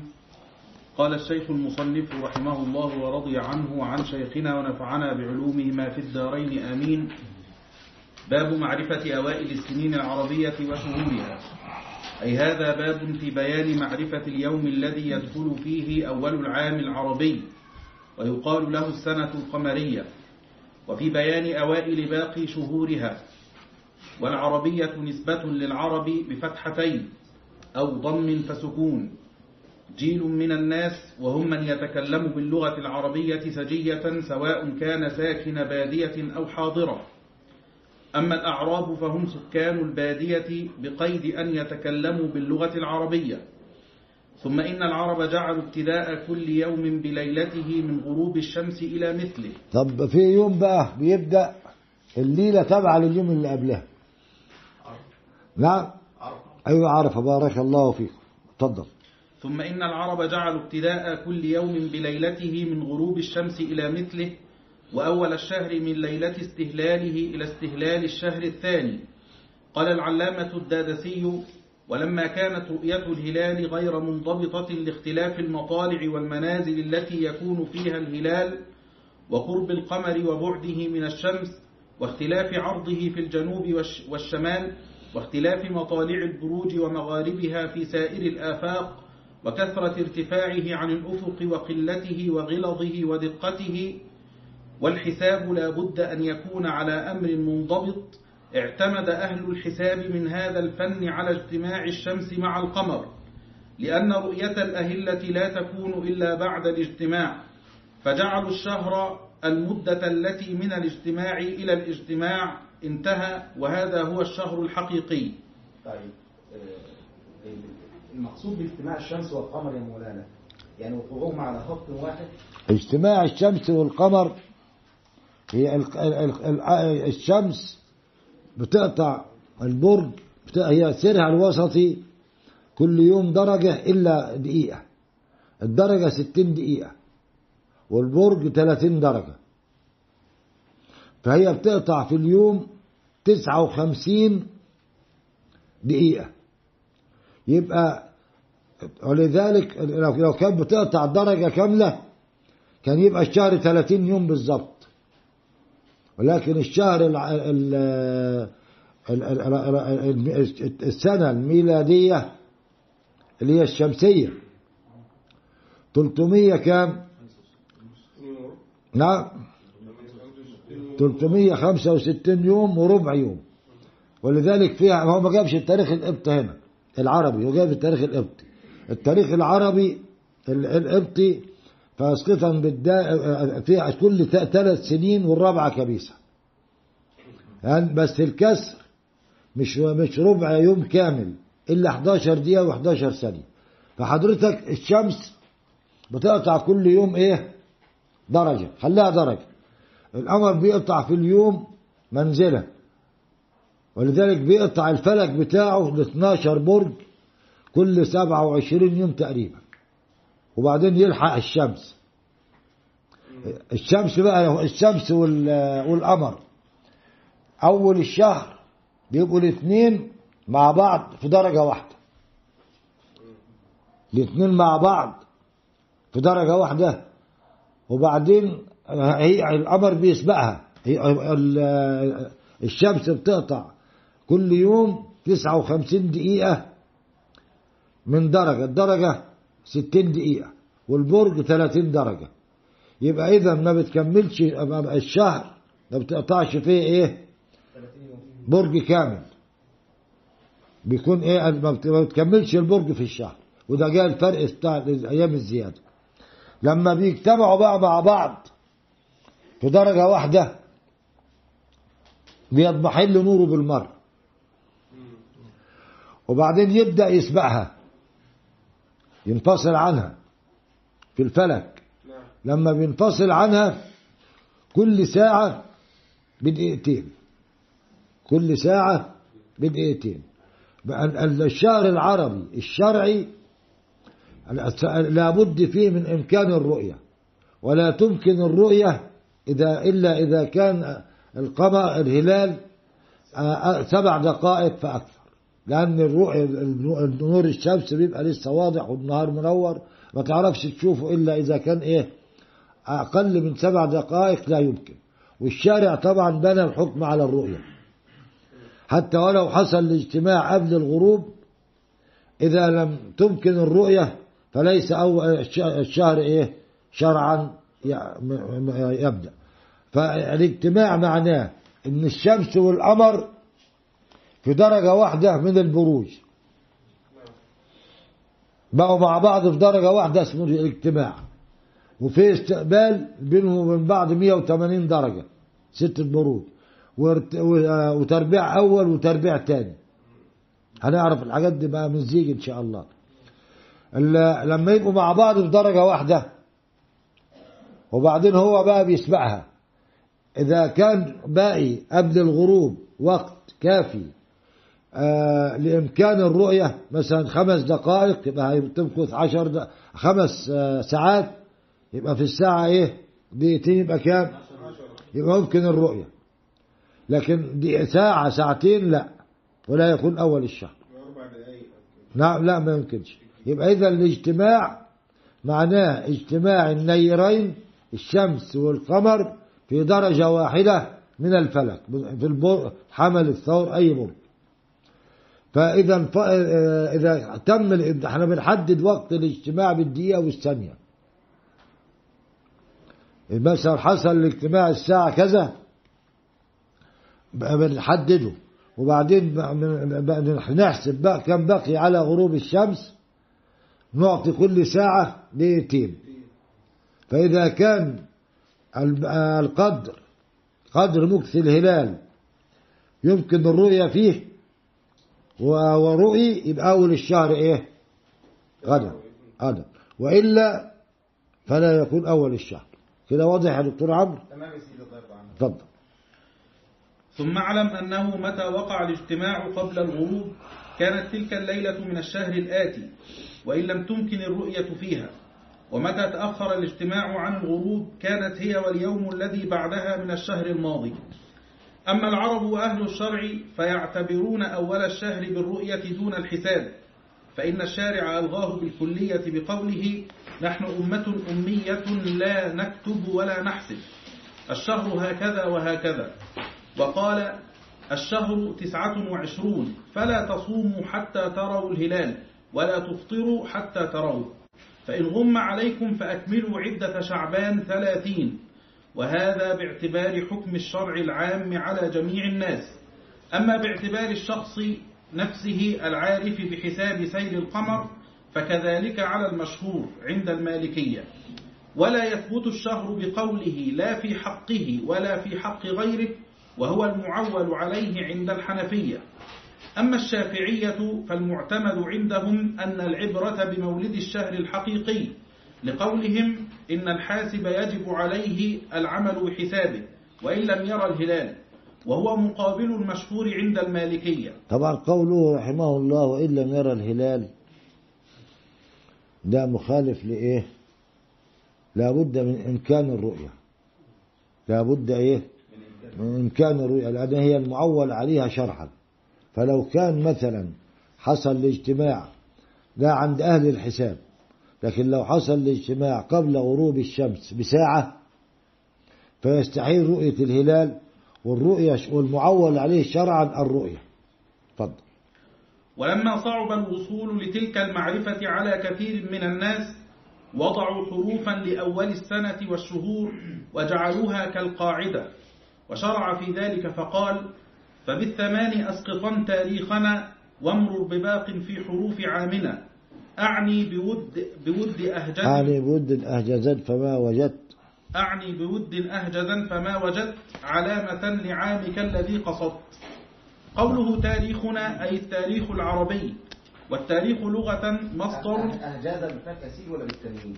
لا أهجزت في دال ساقطة. ما هم ثمان حروف. عدهم كده تلاقيهم بالدال تمانية. من غير دال يبقوا كام؟ سبعة. اتفضل والتاريخ لغة مصدر بمعنى تعريف وقت الشيء. يقال أرخت الكتاب بيوم كذا. واصطلاحا وقت اشتهر بأمر شائع وقع فيه كظهور ملة أو حدوث دولة. ينسب إليه الزمان الآتي بعده. فصار مبدأ لجميع السنين والشهور والأيام. وجعلوا مبدأ هذا التاريخ من الهجرة لأن وقت الهجرة لم يختلف فيه أحد ولأنها وقت استعلاء ملة الإسلام وتوالي الفتوح. قال الشيخ القليوبي وكان أول المحرم فيه بالحساب يوم الخميس وبرؤية الهلال يوم الجمعة. ومعنى البيتين أنك تسقط سني التاريخ العربي بالثمانية مرة بعد أخرى حتى يبقى ثمانية أو أقل. وتمر بالباقي بعد الإسقاط على هذه الحروف المرموز إليها بقوله بود بضم الواو أهجز بفتح الهمزة وسكون الهاء وفتح الجيم والزاي. فالحرف المنتهي إليه منها هو علامة أول المحرم تلك السنة. وقد اصطلحوا على جعل الأحرف السبعة الأولى من عدد الجمل وهي أبجد هوس لأيام الأسبوع. فالألف للأحد والباء للاثنين وهكذا إلى الزاي فهي للسبت فإذا كان الباقي مقابلا لحرف من هذه الأحرف الثمانية فذلك الحرف علامة ليوم أول العام الذي قصدته. مثاله أردنا أن نعرف أول المحرم سنة ألف ومئتين وتسعة بتقديم التاء وسبعين فأسقطنا سني التاريخ بالثمانية. فالألف والمئتان ساقطان بطرح الثمانية وكذا الاثنان والسبعون وبقي سبعة مررنا بها على هذه الأحرف فوجدنا السابع منها الزاي وهي علامة السبت. فأول تلك السنة السبت. ثم بين طريق معرفة كل شهر غير المحرم فقال فزد لها حرفا لشهر مدرج من صفر بجهو أبد من جهو أبد فحاصل أوله إن لم يزد عن سبعة وزائدا به اعتدد أي إذا أردت معرفة أول شهر من الشهور الأحد عشر التي أولها صفر وآخرها ذو الحجة فخذ حرف أول تلك السنة وزد عليه حرف علامة الشهر المطلوب. نعم. فالعدد الحاصل خذ ما يقابله من حروف الأسبوع. فاليوم الموضوع له ذلك الحرف هو أول الشهر المطلوب. وأشار لعلامات الشهور الأحد عشر بالأحرف الأحد عشر بقوله بجهر إلى آخره فالباء أول الحروف فهي علامة صفر ويليها الجيم فهي علامة ربيع الأول وهكذا إلى آخر الحروف. وهذه القاعدة مضطردة في الغالب بحسب, بحسب وجود الهلال سواء لم تمكن رؤيته بأن كان تحت شعاع الشمس أو أمكنت بأن خرج من تحته لكن بشرط صفاء الجو وحدة البصر. وقوله مدرج صفة, صفة لشهر أي معدود في جملة الشهور. وقوله هزأج يجوز فتحه وضمه وكسره. وكذا ما يأتي مثله ما يأتي مثله من الرموز لأنهم لم يعينوا لها حركة مخصوصة. ثم نبه على أن محل كون حاصل حرف العام وحرف الشهر دالا على أول الشهر إن كان سبعة فأقل فإن زاد الحاصل عن السبعة فأسقط السبعة لأن الأيام لا تزيد عن سبعة. واعتبر بالزائد بأن تأخذ ما يقابله من حروف الأسبوع. مثاله أردنا معرفة أول, أول, أول صفر سنة تسع وسبعين فوجدنا علامته الباء فجمعناه لعلامة تلك السنة وهي الزاي فحصل تسعة أسقطنا. منها.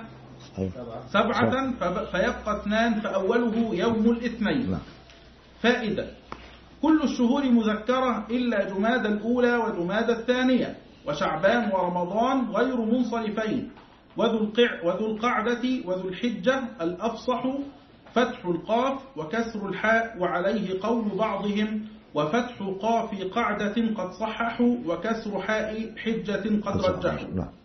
تتم. تقدم الكلام على السنة العربية الحقيقية والسنة العربية المعتبرة بالرؤية. وبقي الكلام على السنة القمرية الحسابية الوسطية التي بحسب سير القمر الوسط لأنه قد يسرع وقد يبطئ. فاعلم أن عدد أيامها ثلاثمائة وأربعة وخمسون يوما وخمس يوم وسدسه. طبعا عرفناها بالساعات والدقائق. هي, دي. أيوة تفضل. ولها أدوار كل دور ثلاثون سنة منها إحدى عشرة كبيسة. وتسع عشرة بسيطة. وأيام البسيطة ثلاثمائة وأربعة, وأربعة وخمسون يوما بالفاء بإلغاء بإلغاء الكسر الكسر. لأن عادة العرب إلغاؤه إن لم يبلغ النصف وجبره إن كان نصفا. إن كان نصفا فأكثر. نعم. وأيام الكبيسة ثلاثمائة وخمسة وخمسون من الكبس وهو الجم لأنه إذا اجتمع من المكسور نصف نصفا نصف فأكثر جعلوه يوما كاملا. وطريق معرفة الكبيسة من البسيطة أن تسقط التاريخ العربي ثلاثين مرة بعد أخرى حتى يبقى ثلاثون أو أقل وتمر بالباقي على حروف هذا البيت. فما قابل المهمل فهو بسيط وما قابل المعجم فكبيس وهو. أيوة كف الخليل. كفه ديانة أيوة، عن كفه. كل حب- خل حبه صح فصال لكن هو في يعني بيت اللي بقول لحضرتك عليه اهو بهزي لو مشيت على البيت ده هتلاقي الكاف الحرف الأول كاف. يبقى الكاف إيه؟ بسيطة. الفاء الثاني كبيسة. الألف بسيط بسيطة. اللام بسيط بسيطة. الخاء خبيثه يبقى آه، آه، كبيسة. كبيس نعم. يبقى الخاء إيه؟ خمسة. صح كده؟ نعم. كف الخاء اللام؟ بسيط. بسيط. الياء إيه؟ الياء سبعة. به زي. به زي. زي جت أهي. بعدها إيه؟ اللام؟ بسيطة الكاف؟ بسيط. الفاء رقم كام؟ رقم عشرة. به زي. البيت اللي بقول لحضرتكم عليه.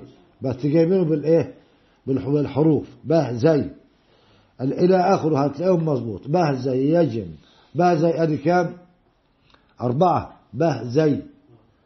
به به زي. الباء والهاء والزي والياء. هذا أربعة. به زي. أربعة. يجن. بالياء وجيم. هي 13 يهن 15 يحن. 18 كأي 21 كدم 24 كون 26 قطن 29 ما- كده 11 سنة؟ أو به زي أربعة. به زي. يج به يجم. عايزين بعد الأربعة كام سبعة. به زي يجم. يهن يحن كأي كدم كون قطن سبعة وأربعة.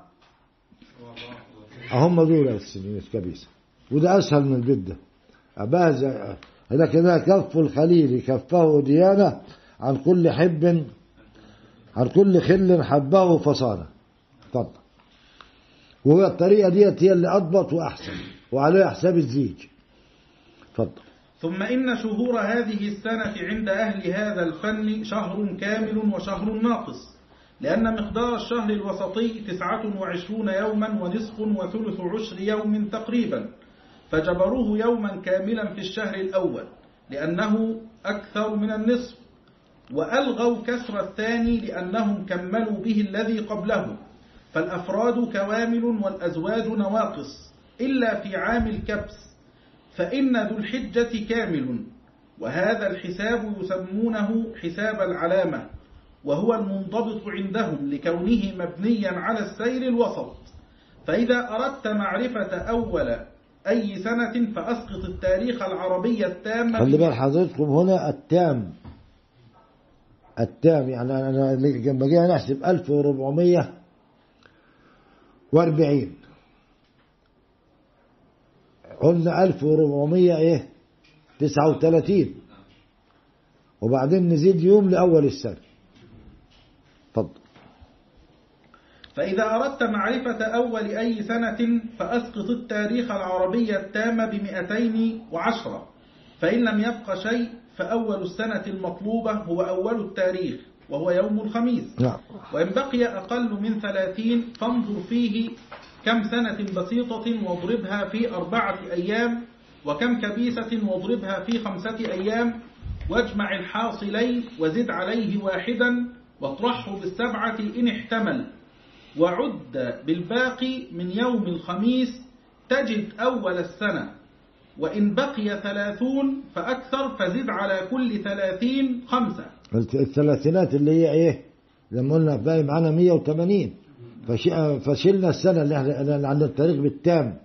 يبقى 179 يبقى عندي خمس ثلاثينات خمس ثلاثينات في خمسة؟ 150 لا لا خمسة في خمسة. 125 نعم. 25 25 وبعدين كل سنة كبيسة. باخد لها خمسة أيام وكل سنة بسيطة أربعة أيام والمجموع أزيد عليه واحد وأسقطه سبعة سبعة وأبدأ من يوم الخميس. معرفة الشهور بقى جايب بقى برضه بيت شعر اهوت يبقى بقى اتفضل. وإن بقي ثلاثون فأكثر فزد على كل ثلاثين خمسة واطرحه بالثلاثين. واحفظ الخمسات الزائدة. فإن بقي بعد الطرح أقل من ثلاثين فافعل به ما سبق من ضرب البسائط في أربع والكبائس في. والكبائس في خمس. نعم. واجمع الحاصل منه على الخمسات الزائدة. وزد على المجموع يوما واطرحه بالسبعة إن احتمل. وعد بالباقي من يوم الخميس تجد أول السنة المطلوبة. وإن لم يبق بعد الطرح بالثلاثين إلا الخمسة الزائدة أو الخمسات فزد عليها واحدا. واطرح بالسبعة إن احتمل. وعد بالباقي من يوم الخميس تجد أول السنة. وإذا أردت معرفة أول أي شهر فامشي على ترتيب هذه الحروف الاثني عشر في هذا البيت وهو حروفه أجد وزجه وأبد لكل, لكل, لكل شهر. واحد نلت المدد. المد يبقى إذا الهمزة لشهر محرم. والجيم لإيه؟ لصفر. يبقى إذا كان أول المحرم التلات يبقى التلات. الأربع الخميس. يبقى أول سفر إيه؟ الخميس. وهكذا باقي الشهور. 12 حرف. اتفضل فأول الحروف هو الألف للمحرم ولصفر ثالث مبدأ العام. نعم. لأن الجيم بثلاثة ولربيع الأول رابع المبدأ. لأن الدال لأن بأربعة له الدال وهكذا إلى آخرها. واعلم أن الشهر قد يتقدم أوله بالحساب على أوله بالرؤية بيوم في الأكثر وبيومين في الأقل. وقد يتفق أوله بالحساب وأوله بالرؤية ولا يمكن أن تتقدم الرؤية على الحساب. نعم. آه، طبعا هذا آه، هذه الطريقة الحساب ال- هي اللي عليها حساب الأهلة. يعني عندما أريد معرفة الاجتماع في موجود. إن شاء الله أن أن أن إن شاء الله نراجعه ونشغله بحسب آه، يوم مثلا 29 بالشهر العربي. 29 بالطريقة بالحساب ده. لأن حساب سير القمر والشمس على نفس الحساب ده هو ال 210 وال 30 دي. وبعدين أقرب آه، الشمس والقمر أقرب يوم لهم لحد ما أوصل الساعة اللي حصل فيها الاجتماع بالظبط. حصل الاجتماع يوم السبت قبل الساعة, الساعة 4 الساعة 3 في الع- ولا بد من إمكانية الرؤية لاعتبار آه، الشرع لها لأن الشارع كما ذكر الشيخ ألغى الحساب بالكلية فلا بد من إمكان الرؤية مع إيه؟ الاجتماع. فإذا حصل الاجتماع قبل الغروب بوقت لا يكفي لرؤية الهلال فلا يعتبر إيه؟ اليوم الآتي يبقى اليوم اللي جاي ده من الشهر الماضي. إذا أمكن رؤية الهلال يبقى اليوم اللي القادم ها؟ الشهر القادم من الشهر القادم. يعني الإمكانية ولا الرؤية يا سيدي؟ الإمكانية والرؤية. مع على حد لكن لم يره مثلا لوجود ضباب أو شوائب في الجو. ما هي دي بقى الخلاف بقى دي بقى اللي جه عليه دي اللي عليها الإمام الشافعي بقى. الإمام الشافعي قال لك يجب على الإيه؟ على الحاسب أن يعمل بحسابه. نعم لذلك قال يصوم يوم الشك. نعم. قال يصوم يوم الشك؟ الحاسب نفسه يصوم الحاسب. الحاسب ومن وثق بحسابه. وأيضا برضو بالنسبة لرؤية الهلال طبعا لا يعتبر فيه عدل. لكن على ذي الرؤية المحققة صيامه وكل من قد صدقه يعني لو صبي عنده سبع سنين ودربته على رؤية الهلال قال لي أنا رأيت الهلال يجب علي إيه؟ أن أصوم. لكن على ذي الرؤية المحققة أما بقى الحساب فهنا بقى ال- الخلاف بقى بين العلماء بقى هل يعمل الحاسب بقوله وهل يؤخذ بقوله مثلا أم لا؟ آه هذا وبالله التوفيق. وصلى الله وسلم وبارك على سيدنا محمد وعلى آله وصحبه أجمعين. طبتم وطاب ممشاكم وبارك الله فيكم وعليكم وهداكم وهدى بكم وجعلكم هداة مهديين. آمين. وسلام على المرسلين والحمد لله رب العالمين. بارك الله فيك.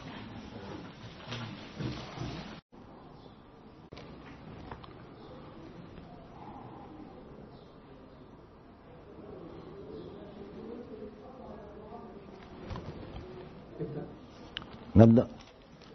بسم الله الرحمن الرحيم. الحمد لله حمدا يوافي نعمه ويكافئ مزيده. اللهم صل على سيدنا محمد الذي ملأت قلبه من جلالك وعينه من جمالك وأصبح فرحا مسرورا مؤيدا منصورا وعلى آله وصحبه وسلم. اللهم اجعلنا بشرعك عالمين وبما علمنا عاملين وفي عملنا مخلصين. اللهم افتح علينا فتوح العارفين بحكمتك وانشر علينا رحمتك وذكرنا ما نسينا يا ذا الجلال والإكرام. اللهم وفق القائمين على دار الإفتاء فضيلة المفتي وجميع القائمين من مشايخ وعلماء ورجال أمن وفرق تصوير وعاملين ودارسين ودارسات. اللهم وفقهم جميعا وأعنهم على ما هم بصدده. من نشر العلم والفتوى الصحيحة لآل الإسلام في سائر أقطار الأرض. وصلى الله وسلم وصل اللهم وسلم وبارك على سيدنا محمد وعلى آله وصحبه أجمعين. بسم الله الرحمن الرحيم. قال الفقير أحمد بن قاسم الحمد لله مدير الأنجم. ثم الصلاة والسلام دائما على النبي وآله والعلماء. وبعد إن هذه فوائد في علم ميقات أي من يقصد. سميتها بتحفة الإخوان تهدي إلى الأوقات بالحسبان. باب معرفة أوائل السنين العربية وشهورها. فبالثمان أسقطا تاريخنا وامرر بباق في حروف عامنا. أعني بود أجهزت فما وجدت علامة لعامك الذي قصدت. فزد لها حرفا لشهر, لشهر مدرج من سفر بداه أبجد هزأجي صح كده؟ فحاصل أوله إن لم يزد عن سبعة وزائدا به اعتدل باب معرفة أوائل السنين القبطية. فأسقطا تاريخ قبط كحكحي وامش بباق في حروف واضح قل وزأج دهن وأبجد وزا بدهوز مجد هزأ مجه رامزا. فما وجدت غرة لذي السنة وحرف شهر زد لها مبينة. والحرف بدو أجهز بدو أجو فحاصل غرة شهر تدرج. تم كده الباب. طبعا السنين القبطية عرفنا أوائلها. السنين العربية. السنين القبطية هو بتسبق العربية بثلاثمائة سنة وهي نسبة إلى القبط. قال في المصباح وهم نصارى مصر وهم نصارى مصر. ولكن يعني أذكر أن بعض العلماء الناس العلماء قالوا القبط ليس خاصا بالنصارى. وهم من هو بيقول هنا قال في المصباح وهم نصارى مصر. ولكن غيره بيقول هم من سكنوا مصر نسبة لقبط من أولاد سيدنا نوح أو من ذرية سيدنا نوح. يعني على هذا القبط جيل من الناس زي العرب. والنصرانية دين زي الإسلام. فليس كل قبطي نصرانيا وليس كل إيه نصرانيا قبطيا. لكن هو كلامه هنا بيقول ان هم في المصباح بيقول إن هو نصارى مصر.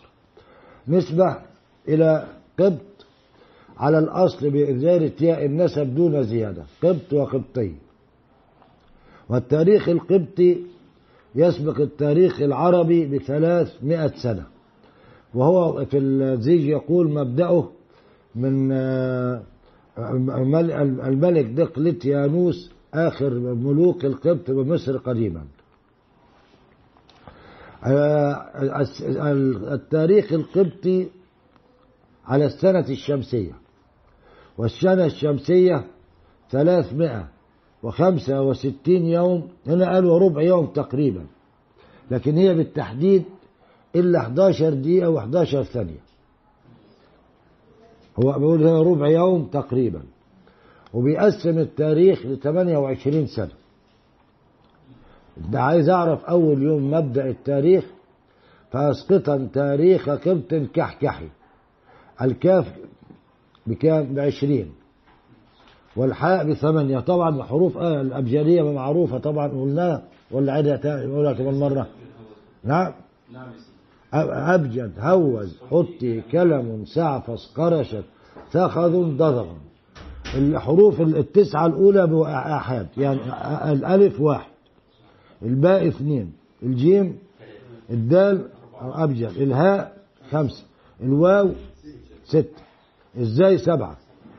ها؟ الحاء ثمانية الطاء تسعة الياء عشرة حطي الكاف عشرين اللام ثلاثين الميم أربعين النون خمسين السين ستين العين سبعين الفاء ثمانين الصاد تسعين. بعد كده آلاف القاف القاف نعم. القاف مية. الراء ميتين. الشين ثلاثمية التاء أربعمية خرشت. الثاء بالمثلثة خمسمية الخاء ستمية آه الضاد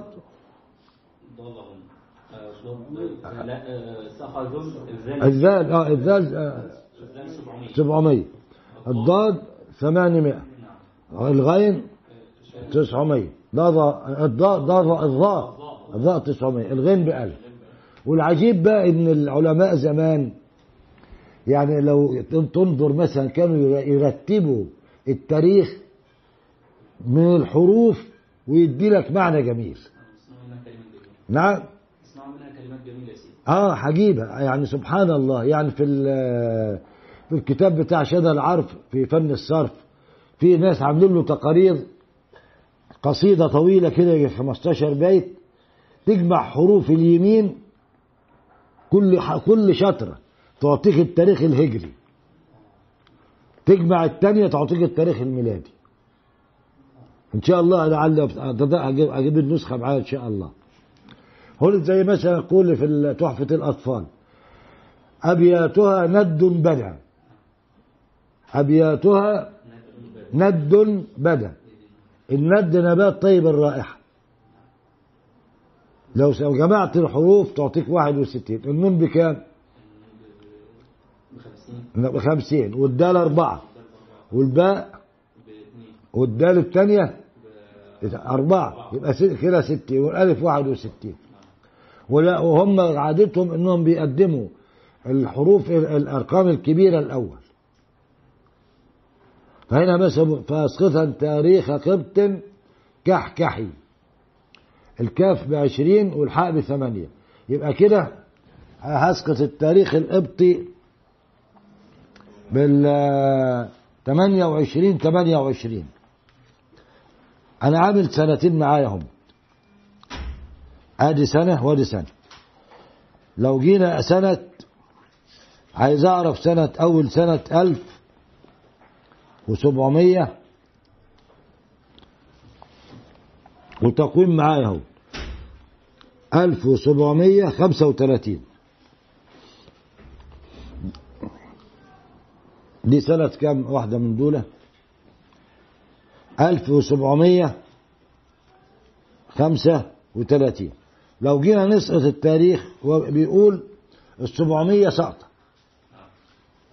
السبعمية لو قسمت سبعمية على تمانية وعشرين هتديلك في الآخر إيه؟ صفر. سبعمية يعني ميتين وتمانين. زائد ميتين وتمانين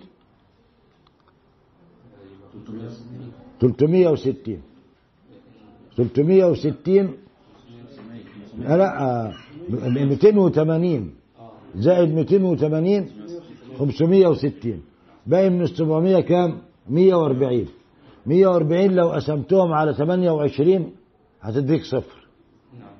المية فيها خمس عشرينات والأربعين فيها إيه خمس تمانيات يبقى باقي معايا كام بعد الألف وسبعمية؟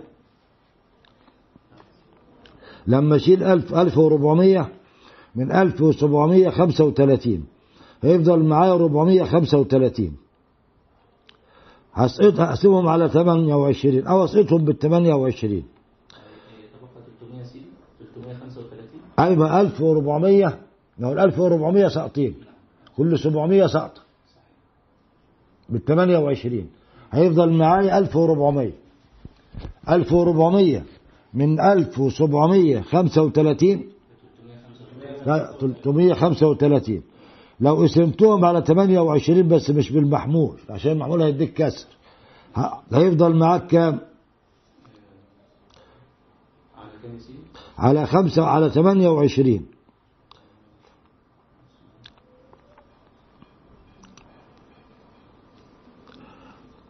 يفضل 27 هيفضل سبعة وعشرين. طيب عايزين نشوف الحرف بتاعها هو إيه؟ قل وزأج دهن وأبجد وزا. بتعوز بجد هز أبجهم حرف علامته إيه؟ أنت ماشي معاك صح. علامته إيه؟ علامته الجيم ما هو الحرف اللي قبل الأخير. في من الرموز يقول وزأج دهن وأبجد وزا بدهوز بجد هز أبج هم الحرف اللي قبل الأخير. هو آخر حرف الهاء يبقى علامتها إيه؟ الجيم. نبدأ بقى من يوم الحد. الأحد ها؟ الاثنين الثلاثاء شوف حضرتك كده ديت آه، سنة كام؟ مش عارف أشوف. ال- 440 لا أنا عايز ال- ال- القبطية. واحدة هي واحدة من دول.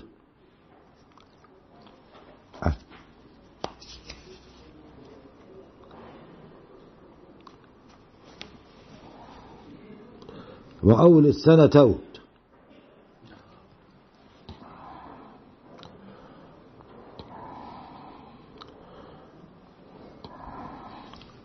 أه شوف آه، حضرتك كده آه، سنة ألف وكام؟ 1735 طب هي اللي معانا اللي إحنا شغالين عليه أول توت عن أولها كام؟ ولا ثلاثاء. أو أو أول السنة. هنا في مثال تاني على إيه؟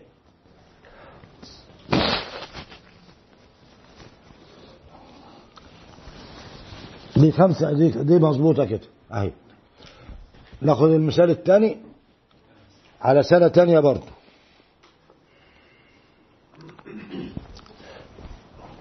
ألف ألف وسبعمية سبعة وثلاثين. هي هتزيد كام؟ هتزيد عن الحسبة اللي معانا اتنين. يبقى هنزود هنزود اتنين بس. اتنين على التمانية وعشرين على السبعة وعشرين. اللي باقي معانا مش كان معانا معانا سبعة وعشرين؟ ها؟ 29 29 نعم. هنسقط 28 هيبقى واحد. هيتبقى واحد. يبقى هيتبقى واحد. علامته إيه بقى في الحروف؟ أول حرف. قل لا قل إيه؟ قل و- قل والزجر قل بقى. نعم. قل وزأج قل دهن. ده علامة الواو. طب الواو بكام بقى؟ أبجد. الواو بس بس- بست. بست. هنبدأ حضرتك من ال- الأحد. الاثنين. ثلاثاء أربعاء. ها؟ الخميس. الجمعة. طب نشوف أول الجمعة كده. ادي توت هنا أهوت. مع التقويم التاني أهو. أنا عندي تقاومت كثيرة بس يعني دول أنا كنت عامل لها علامة هنا يا دكتور أحمد. أه أهي. أنا قلنا أولها إيه؟ الجمعة. 1337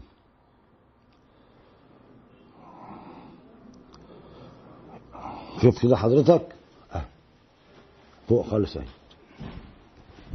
الجمعة. الجمعة واحد تو واحد توت. شهور شهور السنة القبطية. التانية مع ستك. أيوه. أيوة. آه، شهورها 12 شهر. توت بابا هطور كياك طوبة أمشير برمهات برمودة.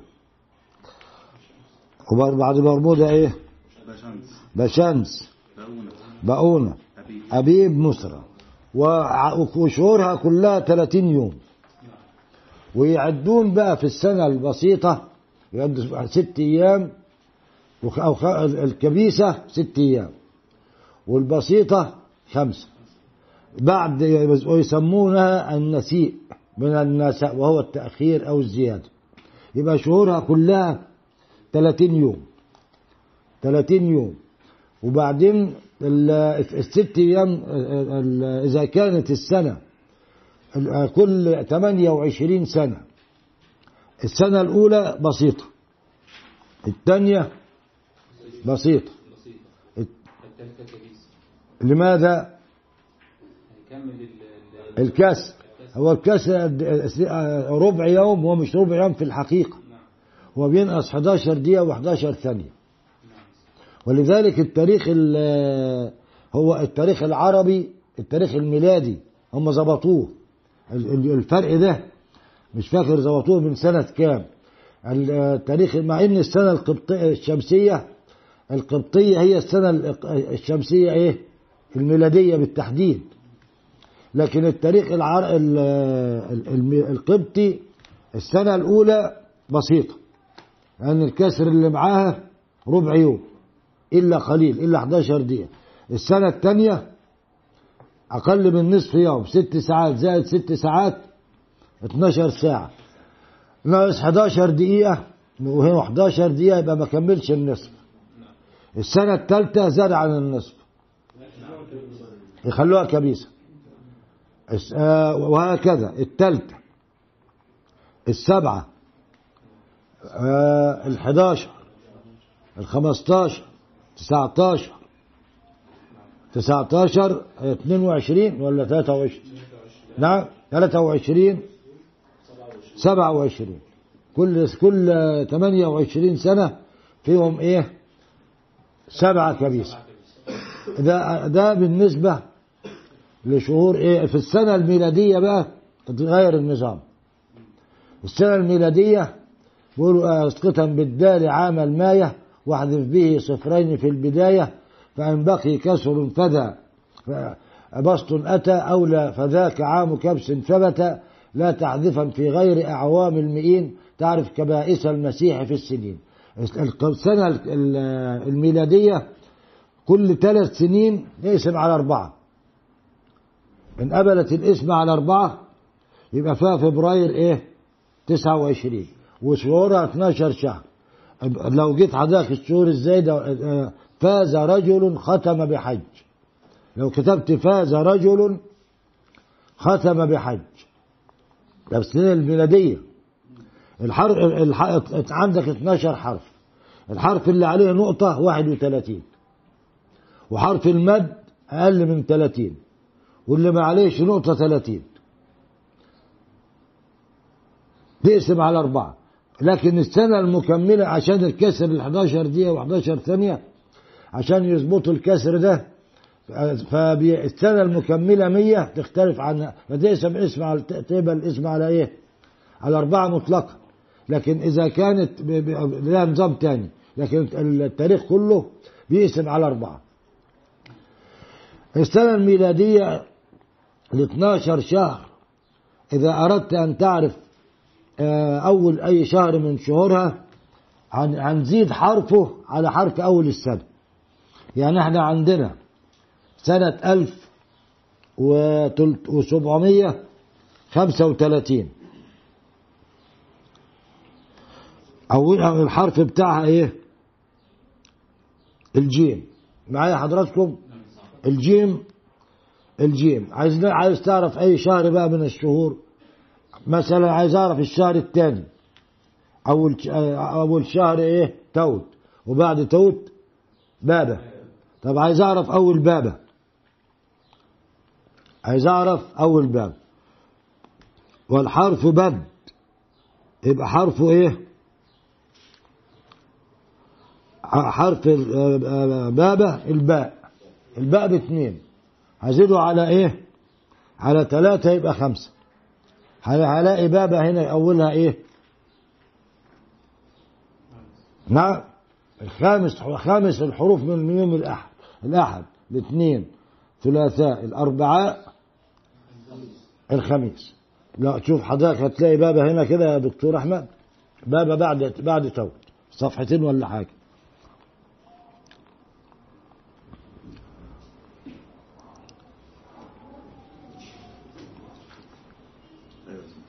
أولها إيه؟ خميس. أولها الخميس. وهكذا كل إيه؟ لو عايز أي شهر نجيب شهر تاني ولا؟ نعم. لو عايز تعرف أي شهر من الشهور هتاخد الحرف المقابل له. أنا عندي 12 حرف. قل باء الباء بد. والحرف بد. والحرف إيه؟ والحرف بد بد وأجهز مش كده؟ والحرف بد و أ أج ها زن با دا أو أجو 12 حرف. طب ليه جم 12 حرف؟ نعم. لا ده إحنا الشهر الأول مش محسوب. لماذا؟ لأن هم في في التاريخ القبطي. نعم. محسوب في أول السنة.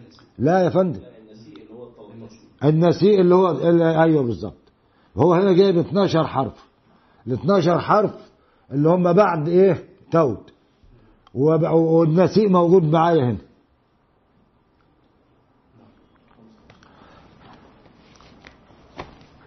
لو إيه تاني هيحفيها من ده بالنسبة إيه؟ للتاريخ القبطي ومعرفة أوائل سنيه وشهور. اتفضل اقرأ يا دكتور. بسم الله الرحمن الرحيم. قال الشيخ المصنف رحمه الله ورضي عنه عن شيخنا ونفعنا, ونفعنا بعلومهما في الدارين آمين. باب معرفة أوائل السنين القبطية وشهورها. أي هذا باب في بيان طريق معرفة أول كل سنة قبطية وأوائل باقي شهورها. والقبطية نسبة للقبط. قال في المصباح القبط بالكسر نصارى مصر. الواحد قبطي على القياس. قوله على القياس أي من غير زيادة ولا نقص على مفرده عند دخول ياء النسب لا لا عليه. لأن في النسب يقول لك مثلا إيه؟ محلاوي. يوم يزودوا أي حرف ينقصوا حرف لكن ده على الأصل. قبطي ما فيش غير زيادة إيه؟ ياء النسب. ياء كالكرسي زادوا للنسب وكل ما تليه كسره وجب. تفضل. وعدد كل شهر من شهور القبط ثلاثون يوما. أولها شهر توت ثم بابة ثم هاتور ثم كيهك بكاف وياء مثنات من أسفل وهاء ثم طوبة ثم أمشير ثم أمشير بفتح الهمزة ثم برمهات بفتح برمهات بفتح فسكون. ببرمهات آسف، أه نعم. ثم برمهات بفتح فسكون. ثم برمودة برمودة. كذلك آه. ثم بشنس بفتحتين فسكون ثم بؤونة ثم أبيب ثم مسرى بضم الميم على هذا الترتيب ويعدون بعد مسرى خمسة أيام في السنة البسيطة وستة في الكبيسة ويسمونها أيام النسيء مشتق من النسى بمعنى الزيادة أو التأخير لأنها زائدة عن الشهور ومؤخرة عنها وعدد أيام السنة القبطية ثلاثمائة ثلاثمائة وخمسة وستون يوما وربع وربع يوم تقريبا. وتسمى السنة الشمسية والتي فيها الكسر تسمى سنة بسيطة. فإذا اجتمع منه يوم سموها كبيسة من الكبس وهو الجمع. ويكمل الكسر في كل أربع سنين فتصير السنة الرابعة ثلاثمائة وستة وست وستة وستين يوما. بس هم مش ماشيين على النظام- هو رحمة الله عليه على السنة الرابعة. إنما هو النظام إذا تم الكسر إذا زاد الكسر حتى على عادة العرب إذا زاد الكسر عن النصف جبروه وإذا أقل عن النصف ألغوه. فهنا زي ما قلت لحضراتكم السنة الأولى بيكون معايا بينها ست ساعات إلا 11 دقيقة و11 ثانية. من ال 28 أما كل كل 28 سنة مجموعة. السنة الثانية 12 ساعة وناقصة كمان. السنة الثالثة زاد الكسر إيه؟ يخلوها الثالثة كبيسة. هو هيذكر ذلك إن شاء الله. قال الشيخ القليوبي واعلم أن الشهور الثلاثة الأولى من القبطية تسمى فصل الخريف والثلاثة الثانية تسمى فصل الشتاء والثلاثة الثالثة تسمى فصل الربيع والثلاثة الرابعة تسمى فصل الصيف هذا مذهب الزراع. نعم. انتهى. وسيأتي مذهب الفلكيين إن شاء الله هو طبعا تعالى. المعروف في الفصول الأربعة بتبدأ من أول فصل فصل الربيع بيبدأ من 21 إيه؟ مارس. وبعده فصل ال- إيه؟ الصيف 21 يونيو 6 6 وبعده فصل ال- الخريف يبدأ من 21 9 وبعده فصل الشتاء أيوه بالظبط هو دي الفصول الأربعة. حتى هو جايب- جايبها هنا يا دكتور أحمد برضه في التقييم هنا. بداية الفصول كده. ده عند الفلك عندك هنا موجود. أوائل الفصول الفلكية. آه، ده في السنة الهجرية. أيوه ما هو جايبها بال بالميلادي برضه. لا خلاص يبقى هو جابها إذا كان جابها بالهجرية يبقى جابها بالهجرية بس. مم. بس هي هي ال- هي أساسها بالميلادي. اتفضل فأسقطا تاريخ قبط كح كحي فاسقطا عشان وزن البيت بس. أهي شوف حضرتك. فاسقطا. فأس ف- فاسقطا. مستفعل. بس إيه دخلوا الخب هي في الآية متفعل. تا تاريخ قب ونقف عند الباء الساكنة. أه. تاريخ قب مستفعل. وبعدين بقى تاريخ قب طن كح كحي أه. يبقى مستفعل. تاريخ قبط بس عشان الوزن بنضبطها على الوزن. وهي ال ال هو قايل حتى إن أي أي أي شكل يمشي معاها. بس تكون مظبوطة على الوزن وخلاص. اتفضل. فأسقطاً. تاريخ قبط كحكحي وامشي بباق في حروف واضح يعني في حروف بيت واضح.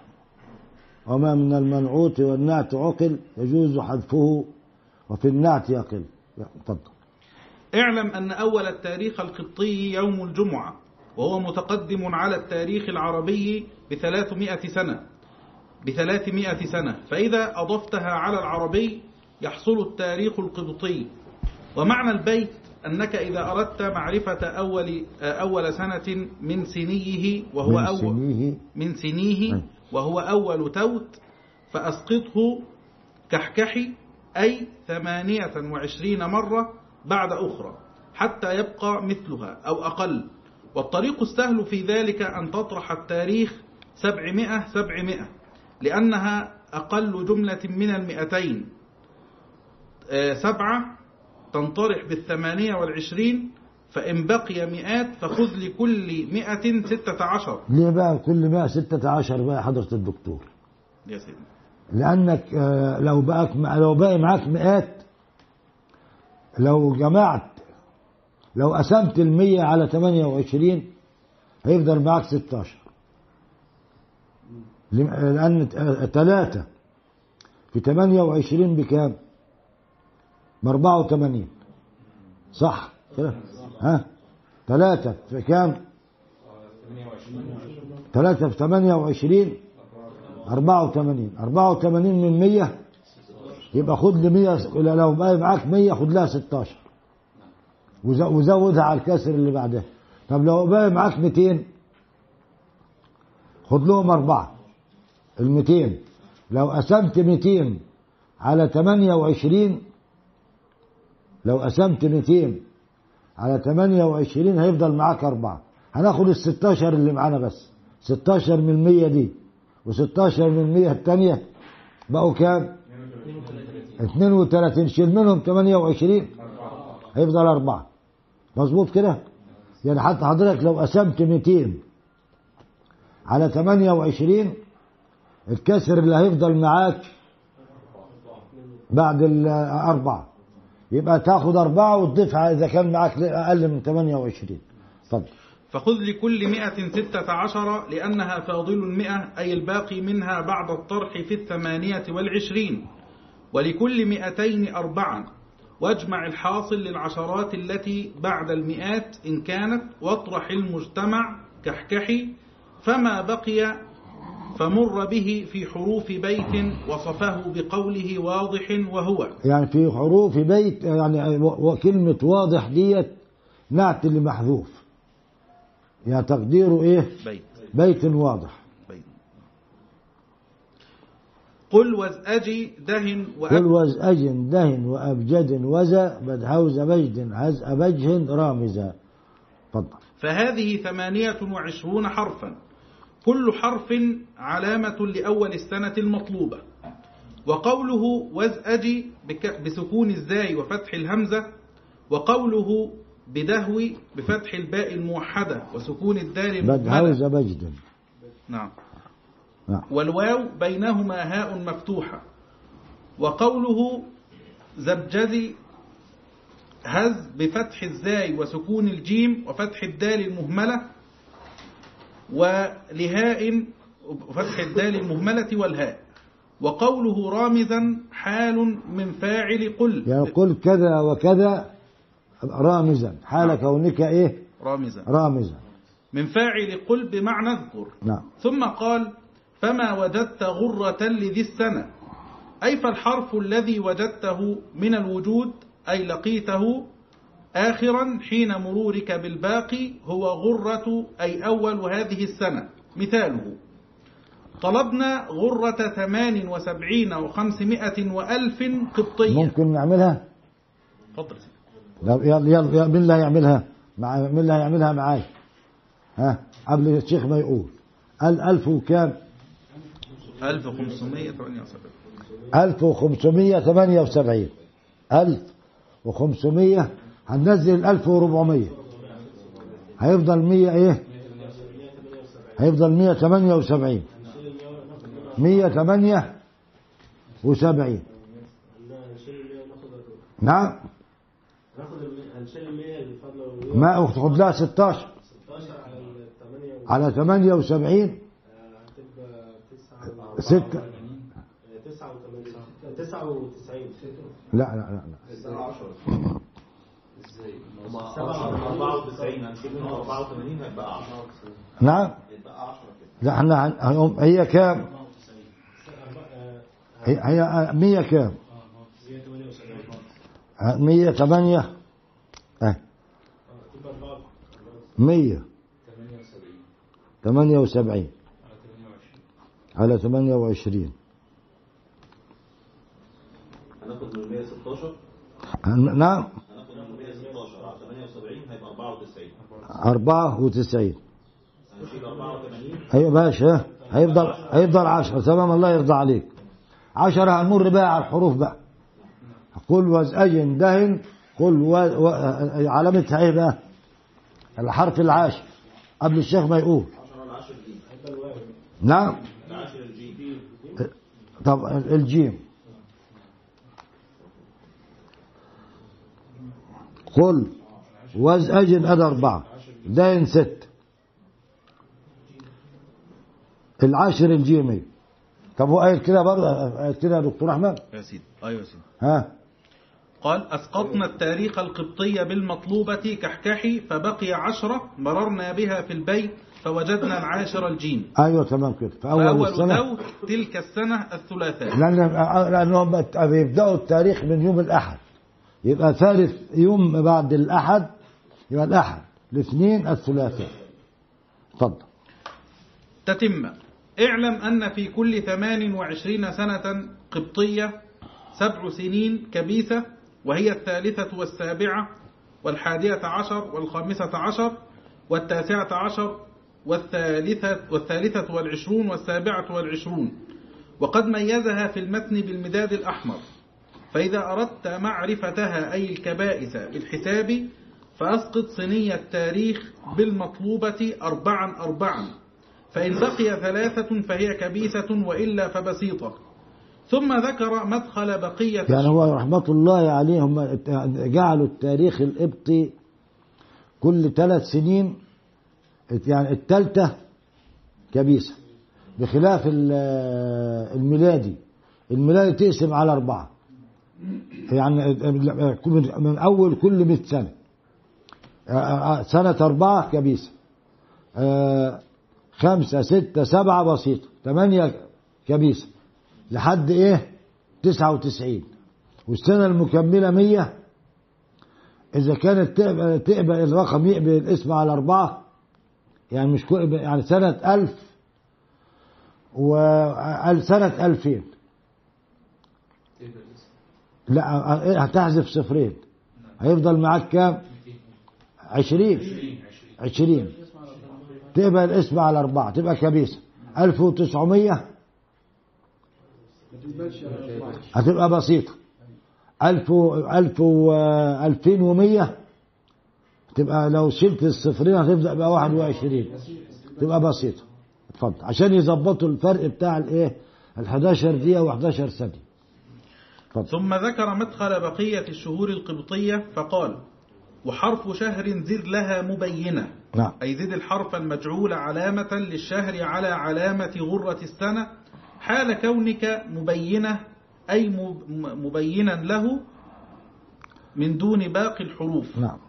وذكره بقوله والحرف والحرف بد وأجهز بدوا أجو. كده صح؟ نعم. والحرف بد وأجهز بدوا أجو. والحرف بد وأجهز بدوا أجو. فحاصله فحاصل غرة شهر تدرج. والحرف بد عشان الوزن برضو إيه؟ والحرف بد مستفعل وأجهز متفعل بادوا أجو متفعل. اتفضل فذكر لكل شهر حرفا علامة عليه فالباء علامة بابه والدال علامة هاتور وهكذا إلى الجيم آخر الحروف فهي علامة أول أيام علامة أول أيام النسيء. فإذا زدت على علامة غرة السنة حرف الشهر المطلوب فالحاصل هو غرة ذلك الشهر على ما سبق في العربي. نعم. من أنه إذا زاد عن السبعة فأسقطها. نعم. واعتبر الزائد لأن أيام الأسبوع لا تزيد لا تزيد عن سبعة لا تزيد عن سبعة. مثاله أردنا معرفة أول بؤونة. سنة ثمان وسبعين وخمسمائة وألف قبطية. نعم. فزدنا علامة ذلك الشهر وهي الدال على علامة أول توت وهي الجيم. فحصل سبعة فأوله السبت. أول السبت. لو لقيت في يعني في لأن كل شهر بيفرق عن اللي قبله يومين. كل شهر حضرت- حضرتكم بيفرق عن الشهر اللي قبله 30 يوم. إذا كان الشهر 30 يعني الفلاحين حتى بيحسبوها كده يقول لك الأربع للأربع للأربع 15 والخميس للخميس للخميس 15 يبقى يفرق يومين. يعني لو كان مثلا أول بقونة أول آه توت زي ما عملنا كده. باء ولذلك عمل كل كل والحرف بد باء اثنين بد الدال أربعة والحرف بد. والواو بست. وأج الهمزة بواحد الجيم بثلاثة الهاء بخمسة إزاي بسبعة. وترجع تاني. الساعة خلص الحروف بقى. أو قد هوز السبع خلص. يرجع تاني الباء. الباء اثنين. الدال أربعة. بدو الواو ست. رجع لل- للهمزة تاني. والجيم بثلاثة. كل شهر بيفرق عن اللي بعده. إذا كان 30 يوم يفرق يومين اتفضل وقوله بد بفتح الباء الموحدة وسكون الدال المهملة. وقوله وأجهزي بفتح الهمزة والهاء بينهما جيم ساكنة. وقوله تدرج صفة لقوله غرة أي تعد في جملة الشهر نعم خلاص؟ نعم. نختم. نختم. طيب. هذا بالله التوفيق. وصلى الله وسلم وبارك على سيدنا محمد وعلى آله وصحبه أجمعين. طبتم وطاب ممشاكم وهداكم الله وهدى بكم وجعلكم هداة مهديين آمين. وسلام على المرسلين والحمد لله رب العالمين.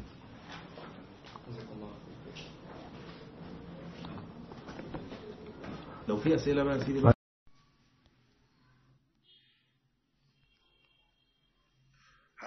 يوافي نعمه ويكافئ مزيدا اللهم صل صلاة كاملة وسلم سلاما تاما على سيدنا محمد الذي تنحل به العقد وتنفرج به الكرب وتقضى الديون وتنال به الرغائب وحسن الخواتيم ويستسقى الغمام بوجهه الكريم وعلى آله وصحبه كل لمحة ونفس عدد كل معلوم لك.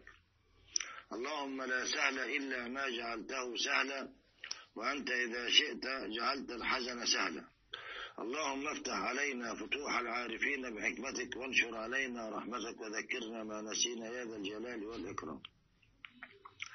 اللهم وفق فضيلة المفتي والقائمين على دار الإفتاء من إداريين وعاملين ورجال أمن وفرق تصوير ومدرسين ودارسين ودارسات جميعا واحفظهم وارحمهم يا رب العالمين.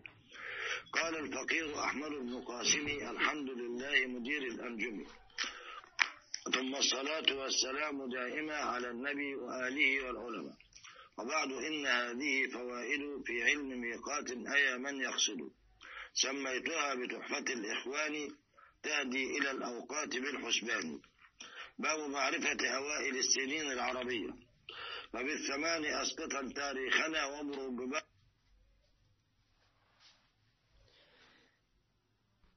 في شهور عاملة في شهور عاملة.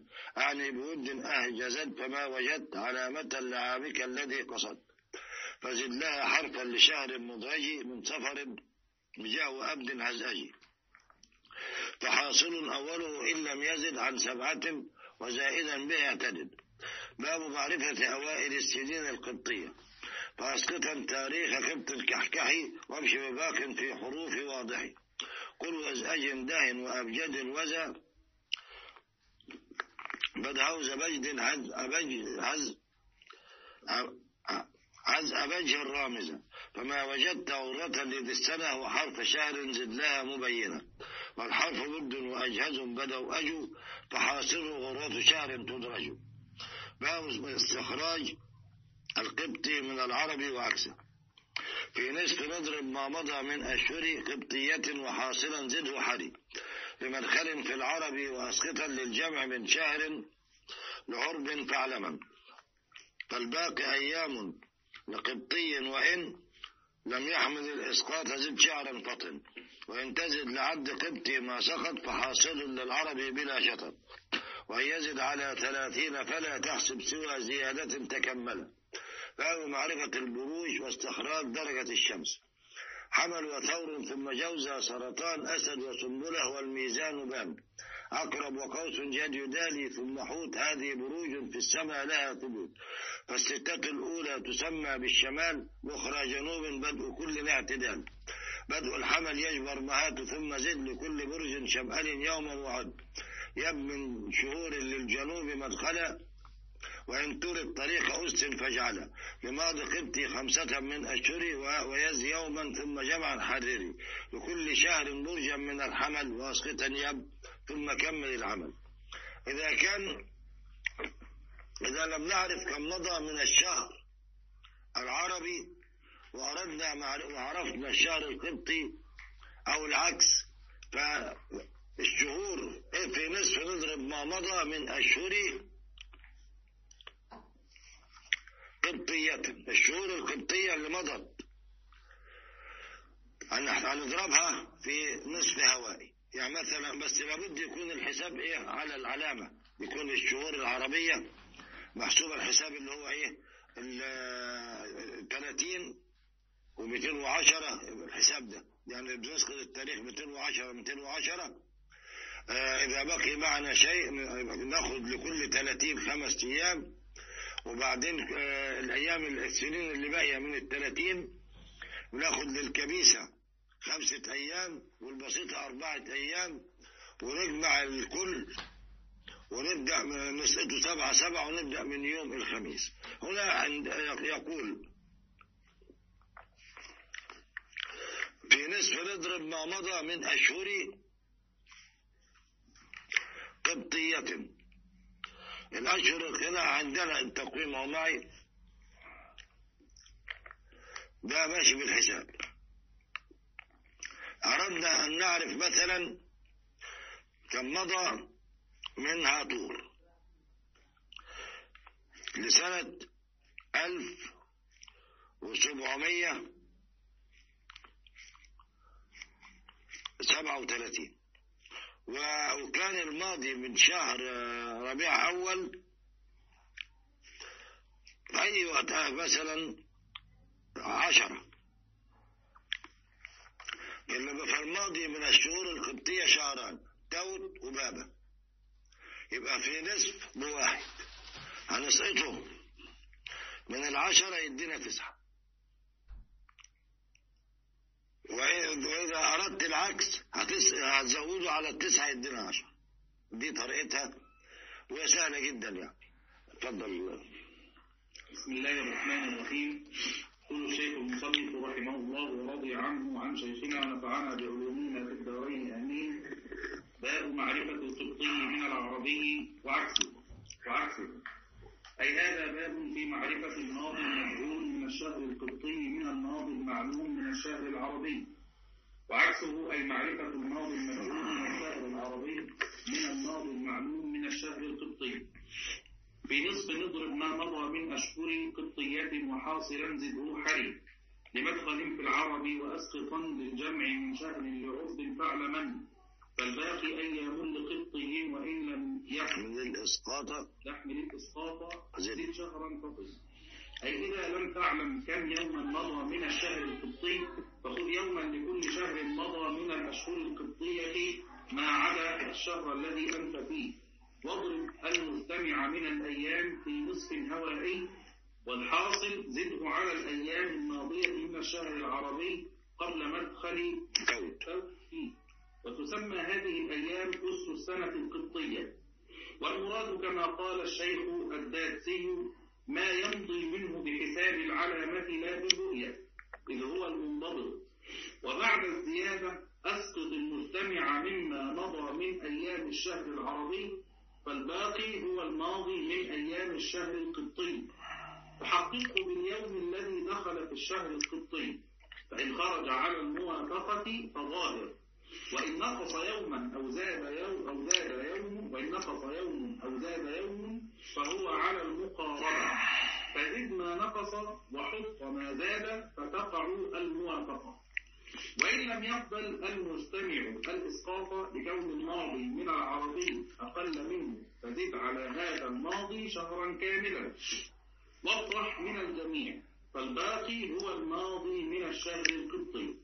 مثاله يوم الثلاثاء الرابع من محرم سنة 1279 أردنا أن نعرف الماضي من بؤونة والماضي من الشهور بغير المطلوب تسعة. أخذنا لكل شهر يوما وضربنا المجتمع في نصف فخرج أربعة فخرج أربعة ونصف. ألغينا الكسر لأنه لم يثمن نعم أو لم بقي أربعة. أربعة جمعناها مع أس السنة القبطية. وهو خمسة. فحصل تسعة وهي لا تنطلق من الأربعة. زدنا على الأربعة شهرا وأسقطنا من الجميع التسعة. فبقي خمسة وعشرون هي الماضي من بؤونة وقوله حي بمعنى حقيق أي وهذا الحاصل حقيق بالزيادة على ما ذكر. وقوله للجمع اللام فيه زائدة لأن عامله يتعدى بنفسه. وقوله لعرب بضم فسكون لغة كما سبق وقوله فطن منادى بحذف حرف النداء تتميم للبيت. ثم شرع في عكس العمل الأول فقال وإن تزد لعبد قبطي لعبد وإن قبطي تزد لعد قبطي ما سقط فحاصل للعربي بلا شطط. أي إذا لم تعلم عدد الأيام الماضية من الشهر العربي فزد على عدد الأيام الماضية من الشهر القبطي ما سقط من المجتمع من أس السنة القبطية والأيام الخارجة من ضرب الأشهر الماضية في مصر فالحاصل هو الماضي من الشهر العربي المطلوب وقوله قبطي بسكون ياء النسب وكذا وقوله قبطي قبطي ياء قبطي بسكون ياء النسب وكذا قوله العربي وقوله بلا شطط أي بلا زيادة على ذلك. الحاصل بلا زيادة على ذلك الحاصل.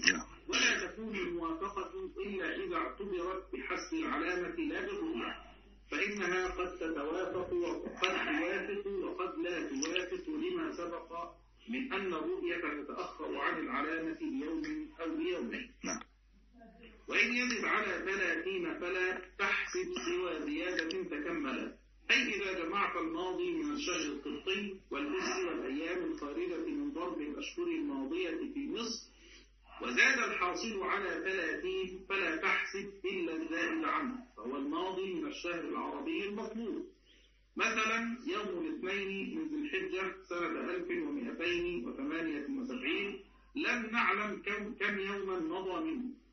وكان الماضي من بشمس ستة وعشرين يوما زدنا عليها الأس وهو خمسة والأيام هي أربعة فحصل خمسة وثلاثون. أخذنا الزائد عن ثلاثين وهو خمسة فهي الماضية بالعلامة من ذي الحجة. وقوله تكمل أي انتهى وتم الكلام على مسائل هذا الباب. فائدة. إذا جهلت الأسة فخذ لكل شهر قبطي مضى من فوت يوما غير وخذ وخذ نصف المجتمع من الأيام وإن كان فيه نصف فألغه. وزد ما أخذته من الأيام على الماضي من شهرك القبطي. واطرح المجتمع من الماضي من شهرك العربي بالعلامة فالباقي هو الأس. وإن كان الماضي من الشهر العربي أقل فزد عليه شهرا. واطرح من المجتمع يبقى الأس وغايته تسعة. وغايته تسعة وعشرون. فإن دخل كوك مع الشهر العربي بيوم واحد فلا أس لتلك السنة زي السنة اللي معانا دي. نعم. أي. فاحفظ ذلك أو قيده بالكتابة لترتب لترتب عليه ما سبق. كأن تقول سنة كذا القبطية لا أس لها أو نصها كذا. نعم. Mm-hmm.